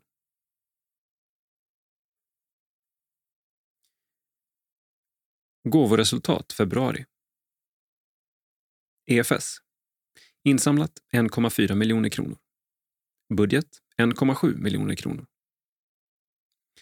Det preliminära insamlingsresultatet för februari är 1,4 miljoner kronor, cirka 400 000 kronor mindre än budgeterat för perioden. Hittills i år har EFS samlat in cirka 3,9 miljoner kronor, vilket innebär att årets totala insamling i skrivande stund är cirka en halv miljon kronor över budget. Insamlat 3,9 miljoner kronor, mål 2019 32,5 miljoner kronor. Salt. Insamlat 73 668 kronor. Mål 2019 1,1 miljoner kronor. Salt har samma insamlingsmål i år som förra året. Dock är resultatet för de första månaderna betydligt sämre än förra årets dryga 130 000 kronor. Hur kan du vara med och stödja det långsiktiga arbetet med barn och unga i vår rörelse? Årsmöte. Valberedningens förslag på styrelsekandidater. Fem personer i nuvarande styrelse står i tur att avgå. Ingen av dessa ställer upp för omval. Antal platser som ska fyllas är fem. Och här presenteras EFS valberedningsförslag på styrelsekandidater till årsmötet den 31 maj till 1 juni med styrelseval 31 maj. Vi bad kandidaterna presentera sig kort och ställde följande frågor. 1.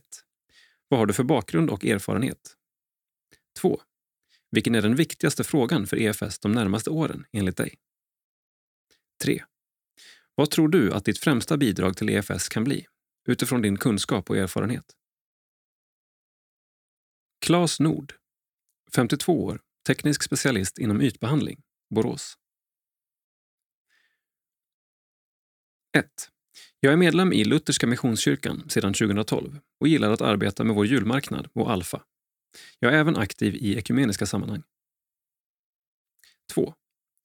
En viktig fråga är hur EFS kan stödja och undervisa barn, ungdomar och unga vuxna. Utan tillväxt bygger vi inte Guds rike. 3. Mitt bidrag till EFS är min erfarenhet från styrelsearbete i större föreningar, projektledning och marknadsföring inom näringslivet. Marie Larsson, 28 år, personalvetare, Stora Bromma. 1. Jag flyttade till Stockholm 2009 och har sedan dess varit med i EFS i, Be i Betlehemskyrkan. Engagerad i styrelsen, församlingsläger och alfakurser. 2. Församlingens syn på sig själv. Vi behöver få fortsätta att upptäcka vad det innebär att vara en kropp och att tillsammans söka Guds tanke med församlingen. Vi behöver lämna det konsumtionstänk som ibland finns, där församlingsmedlemmen beställer tjänster av de anställda och påverkar genom åsikter främst istället för kännande. 3. Som personalvetare tror jag att jag kan komma med bra HR-perspektiv, både utifrån utbildning och arbetslivserfarenhet. Jan Hallqvist, 60 år, egenföretagare, Borås. Jag är ganska ny i EFS, men har bland annat hunnit med en del flyktingarbete och varit med i förbönstjänst. Har lång erfarenhet som aktiv i Svenska kyrkan, bland annat från arbete i kyrkoråd och andra styrelser. 2. Det är viktigt att vi i EFS, i olika åldrar och med olika bakgrund, arbetar med att bygga den kyrka som tydligt förkunnar evangeliet och attraherar människor utanför kyrkan. 3. Mina erfarenheter som kommunal chef, projektledare och företagare bör komma väl till pass när EFS definierar sitt nuläge, sitt framtida önskeläge och bestämmer väg att gå för att förverkliga visionen.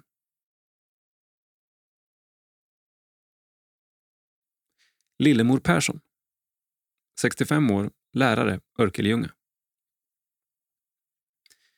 Jag har en bakgrund som missionär i Tanzania. Har suttit sammanlagt fyra perioder i EFS styrelse. Engagerad i EFS-kyrkan i Örkelljunga där jag bland annat är lovsångsledare. 2. Att vi blir fler. Vi behöver be och arbeta så att evangeliet om Jesus hörs och syns runt omkring oss. Att vi, från vår plattform som självständig missionsrörelse i Svenska kyrkan och genom att jobba med vår organisation, ska hitta vägar så att vi kan arbeta smidigt i alla våra sammanhang. Att bönen, Bibeln och troheten till Guds ord ska inspirera oss så att vi får se människor och samhällen förvandlade av Jesus. 3. Att jag har erfarenhet av EFS internationella arbete och att jag har mångårigt arbete av att sitta i EFS styrelse. Sedan upplever jag en kallelse i att be. Så det gör jag. Per Moen, 64 år, pensionerad rektor, Ånäset. 1. Jag är uppvuxen i Göteborg, bor nu i Grimsmark i Västerbotten. Är medlem i Nysätra EFS där mitt engagemang är körledare och musikant, mötesledning, smågruppsarbete och styrelsearbete. De senaste åren som ordförande. 2. Att stimulera och rusta oss EFS-are till att möta människor i vår vardag och frimodigt samtala om vår tro. Vi bör ta hjälp av varandra. Därför är det viktigt att arbeta ekumeniskt över samfundsgränser. Det ger också ett bra avtryck i vårt samhälle och främjar Kristi rikes tillväxt. 3. Mina erfarenheter av att som kristen möta olika människor tror jag kan vara ett bidrag. I min yrkesroll har jag arbetat med ledning och medskapande, vilket också är något jag kan bidra med. Leif Åberg, 71 år, civilingenjör, Vänge.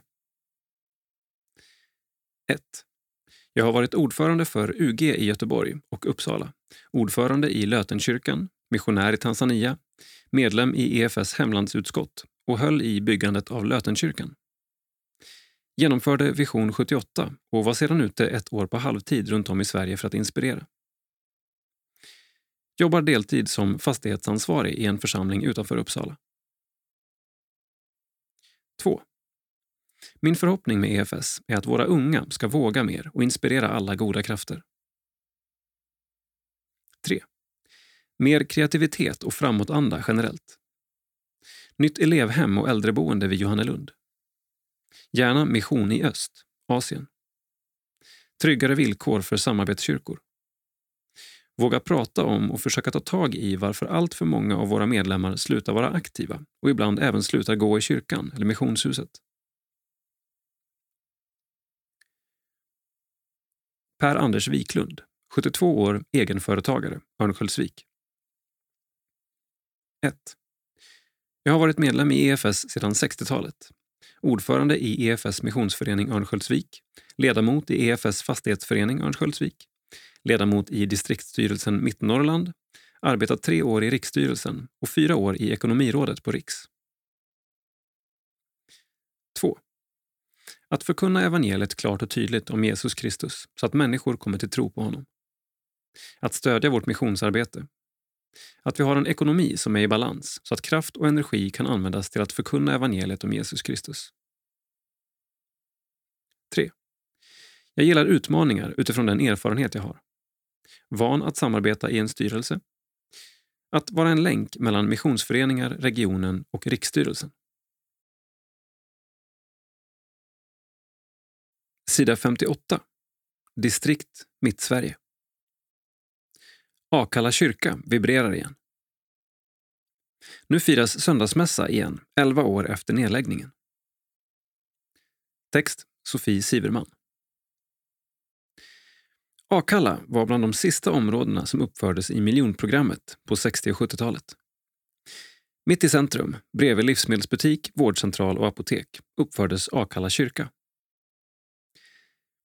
Samarbetskyrkan i Akalla förknippas av många med levande gudstjänster, stora barngrupper och ett stort ideellt engagemang. Men 2008 lades EFS-föreningen ner. Det var slutet på en process som pågått under en tid och det var främst två faktorer som orsakade nedläggningen. Det ideella engagemanget sinade på grund av minskat medlemsantal och medelåldern ökade. 2010 slogs Kista och Spånga församlingar ihop och den dåliga ekonomin gjorde att det inte gick att ha en präst anställd i Akalla. Vi var till slut bara 20 aktiva medlemmar i föreningen. Då var det naturligt att lägga ner, berättar Nanna Fransén, en av EFS-medlemmarna som fortfarande engagerar sig i Akalla kyrka. För verksamheten dog inte helt. Församlingen bedriver bland annat öppen förskola, dagledeträffar och veckomässor i Akalla. Att EFS-föreningen lades ner blev en stor sorg för många och de flesta av medlemmarna lämnade församlingen för att hitta nya andliga hem. Leif Wikström var vid den här tiden anställd som vaktmästare i Akalla och hans tjänst blev nu främst förlagd till Kista. Men engagemanget för Akalla minskade aldrig. År 2009 var han med och startade Helgmålsbönerna som fortfarande drivs helt ideellt. Vi är inne på termin 21 i rad nu och deltagandet ökar stadigt, berättar Leif. När den eritreanska församlingen, som länge hållit sina gudstjänster i Akalla, flyttade ut var det många som frågade sig nu då? Tanken på att det inte skulle firas någon söndagsgudstjänst i Akalla kyrka tyngde många hjärtan.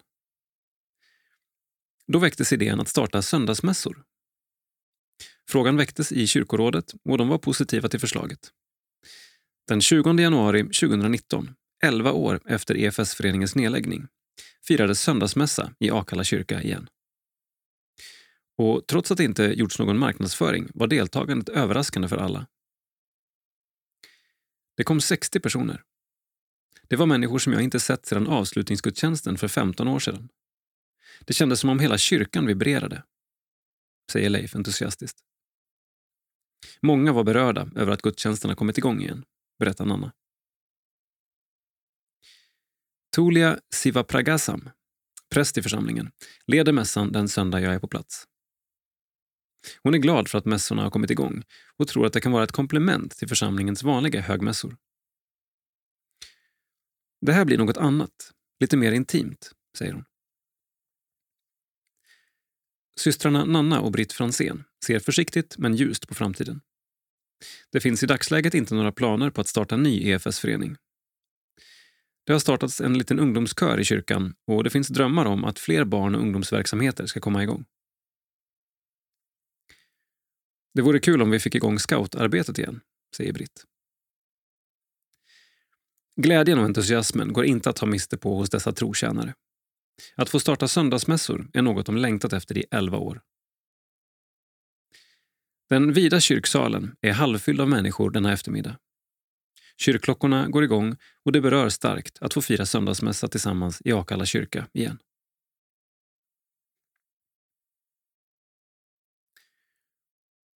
Hallå där, Sara Edlund, lägerchef för Patrull Riks på Vässarö 2020. Hur känns det att leda Salts och EFS största gemensamma arrangemang? Det är ett häftigt och spännande uppdrag, men det är mycket att tänka på. Vad blir det för tema? Temat för Patrull Riks är Regnum Dei, vilket betyder Guds rike. Vi vill att temat ska genomlysa hela lägret. Finns det något ni behöver hjälp med? Mycket. Vi behöver fler personer som hjälper till med planeringen av programmet och ungdomsdelen av lägret. Sen behöver hela lägret förbön.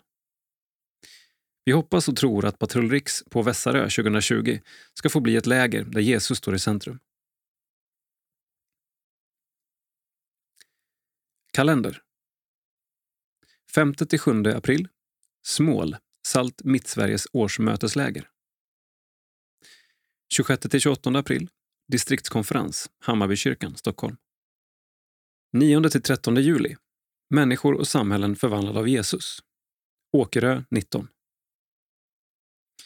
27 augusti Distriktsårsmöte, Hammarbykyrkan, Stockholm.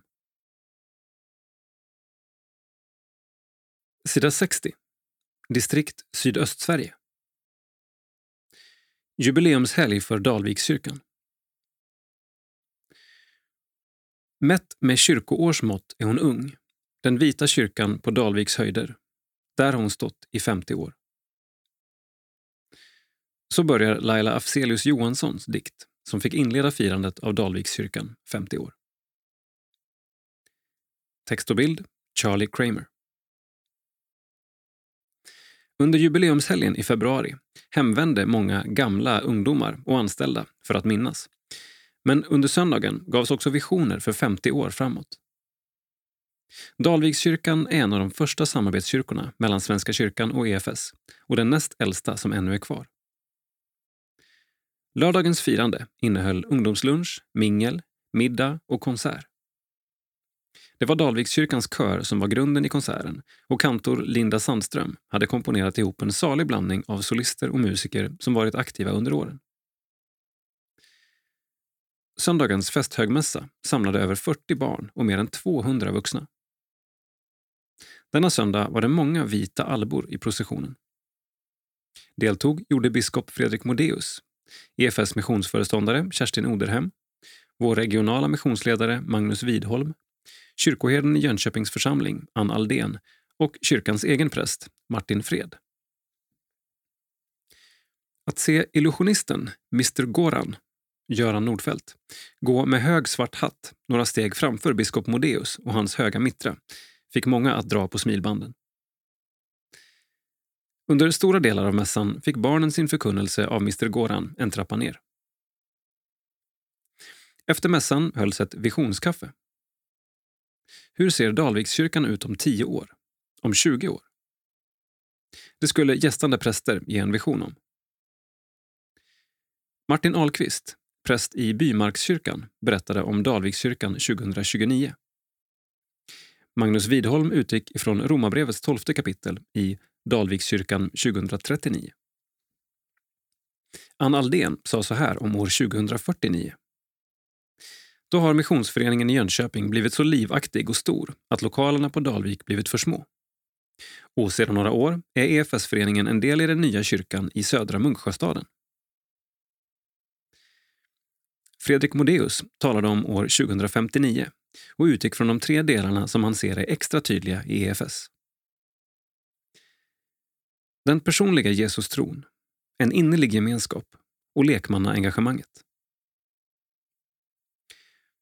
När det blev Kerstin Oderhems tur konstaterade hon att 50 år är lång tid, men inte i ett gudsperspektiv. Dalvikskyrkans medlemmar fortsätter år 2069 att vara bärare av evangeliets kärna. De minns vad Jesus gjort för oss och i oss. Kerstin fortsatte att tala utifrån Elisabeth Sandlunds ord om att påkristning pågår. I Sverige 2069 är det lättare att prata om Jesus. Det är inget man skäms över. Men för att allt vi har haft visioner för nu ska ske måste vi lyssna till behoven som finns här och nu. Gör vi det, då blir vi och Dalvikskyrkan som EFS vision. Människor och samhällen förvandlade av Jesus. Sida 65. Krönika. Guds verk i oss är menade att delas vidare, skriver Amanda Vadjan. Det är vår tur att kliva fram. Det går nästan att ta på glädjen som fyller rummet. Allas ögon är fastklistrade vid samma person. Kvinnan som talar till oss och som fullkomligt strålar. Hennes ögon är fyllda av tacksamhet och glädje. Under hennes livfulla och varma delande suckar jag längtande inombords.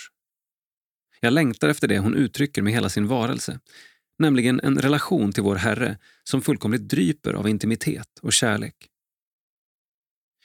Trots att jag hört henne tala många gånger om det grustag dit hon går för att be och hänga med Gud tröttnar jag inte på det. Tvärtom uppfattar jag nyanser och nya detaljer varje gång. Det är väl så Gud jobbar med oss. Hans verk är allt annat än tråkigt. Våra personliga vittnesbörd är en skatt och ett löfte om att Gud bär oss och inte tvärtom. När vi berättar om vad Gud gör i våra liv skapas ringar på vattnet och det blir tydligt att Guds verk i oss inte handlar om oss utan är menade att delas vidare till andra. Våra berättelser är mer än fina anekdoter. De är megafoner som vittnar om Guds utgivande kärlek. Vårt stora uppdrag och vår kallelse handlar inte om att samlas två timmar varje söndag och sedan stänga dörren för Jesus. Utan det handlar om varje dag, varje ögonblick, hand i hand med vår skapare. Därför är det personliga vittnesbördet fullkomligt livsviktigt för oss, både som individer och som rörelse. För det är i vittnesbörden som vi visar att Bibelns sanningar också går att levas ut i praktiken och att det går att leva som kristen dygnet runt, alla dagar i veckan. Teologen Tim Keller har skrivit om tre enkla principer som jag tror kan hjälpa oss i hur vi kan leva som kristna och naturligt dela med oss av vår tro. 1. Älska Gud och lev utifrån din kärlek till honom. 2. Berätta och visa hur evangeliet levs ut i praktiken, i vardagen. 3. Dela ditt vittnesbörd. Din personliga berättelse kan förändra människors liv. Din berättelse är viktig. Du är viktig. Guds kallelse gäller också dig, oavsett vad du jobbar med eller vad du är bra på. Gud längtar efter en intim och vardagsnära relation med dig och mig. Det får vi aldrig sluta påminna varandra om. Så fatta din megafon och berätta din berättelse om vad Gud har gjort och gör i ditt liv just nu. Kvinnan jag skrev om ovan heter Ingrid Lundström och är känd av många inom vår rörelse. Kära Ingrid, tack för att du låtit Gud använda dig och dina berättelser. Tack för din frimodighet och din Jesuslängtan. Tack för att du varit en gudskvinna som jag och många fler fått ta rygg på. Nu är det min och vår tur att kliva fram, berätta vad Gud gör i våra liv och vara personer som andra kan ta rygg på. Är du med? Amanda Vadjan, vikarierande generalsekreterare SALT.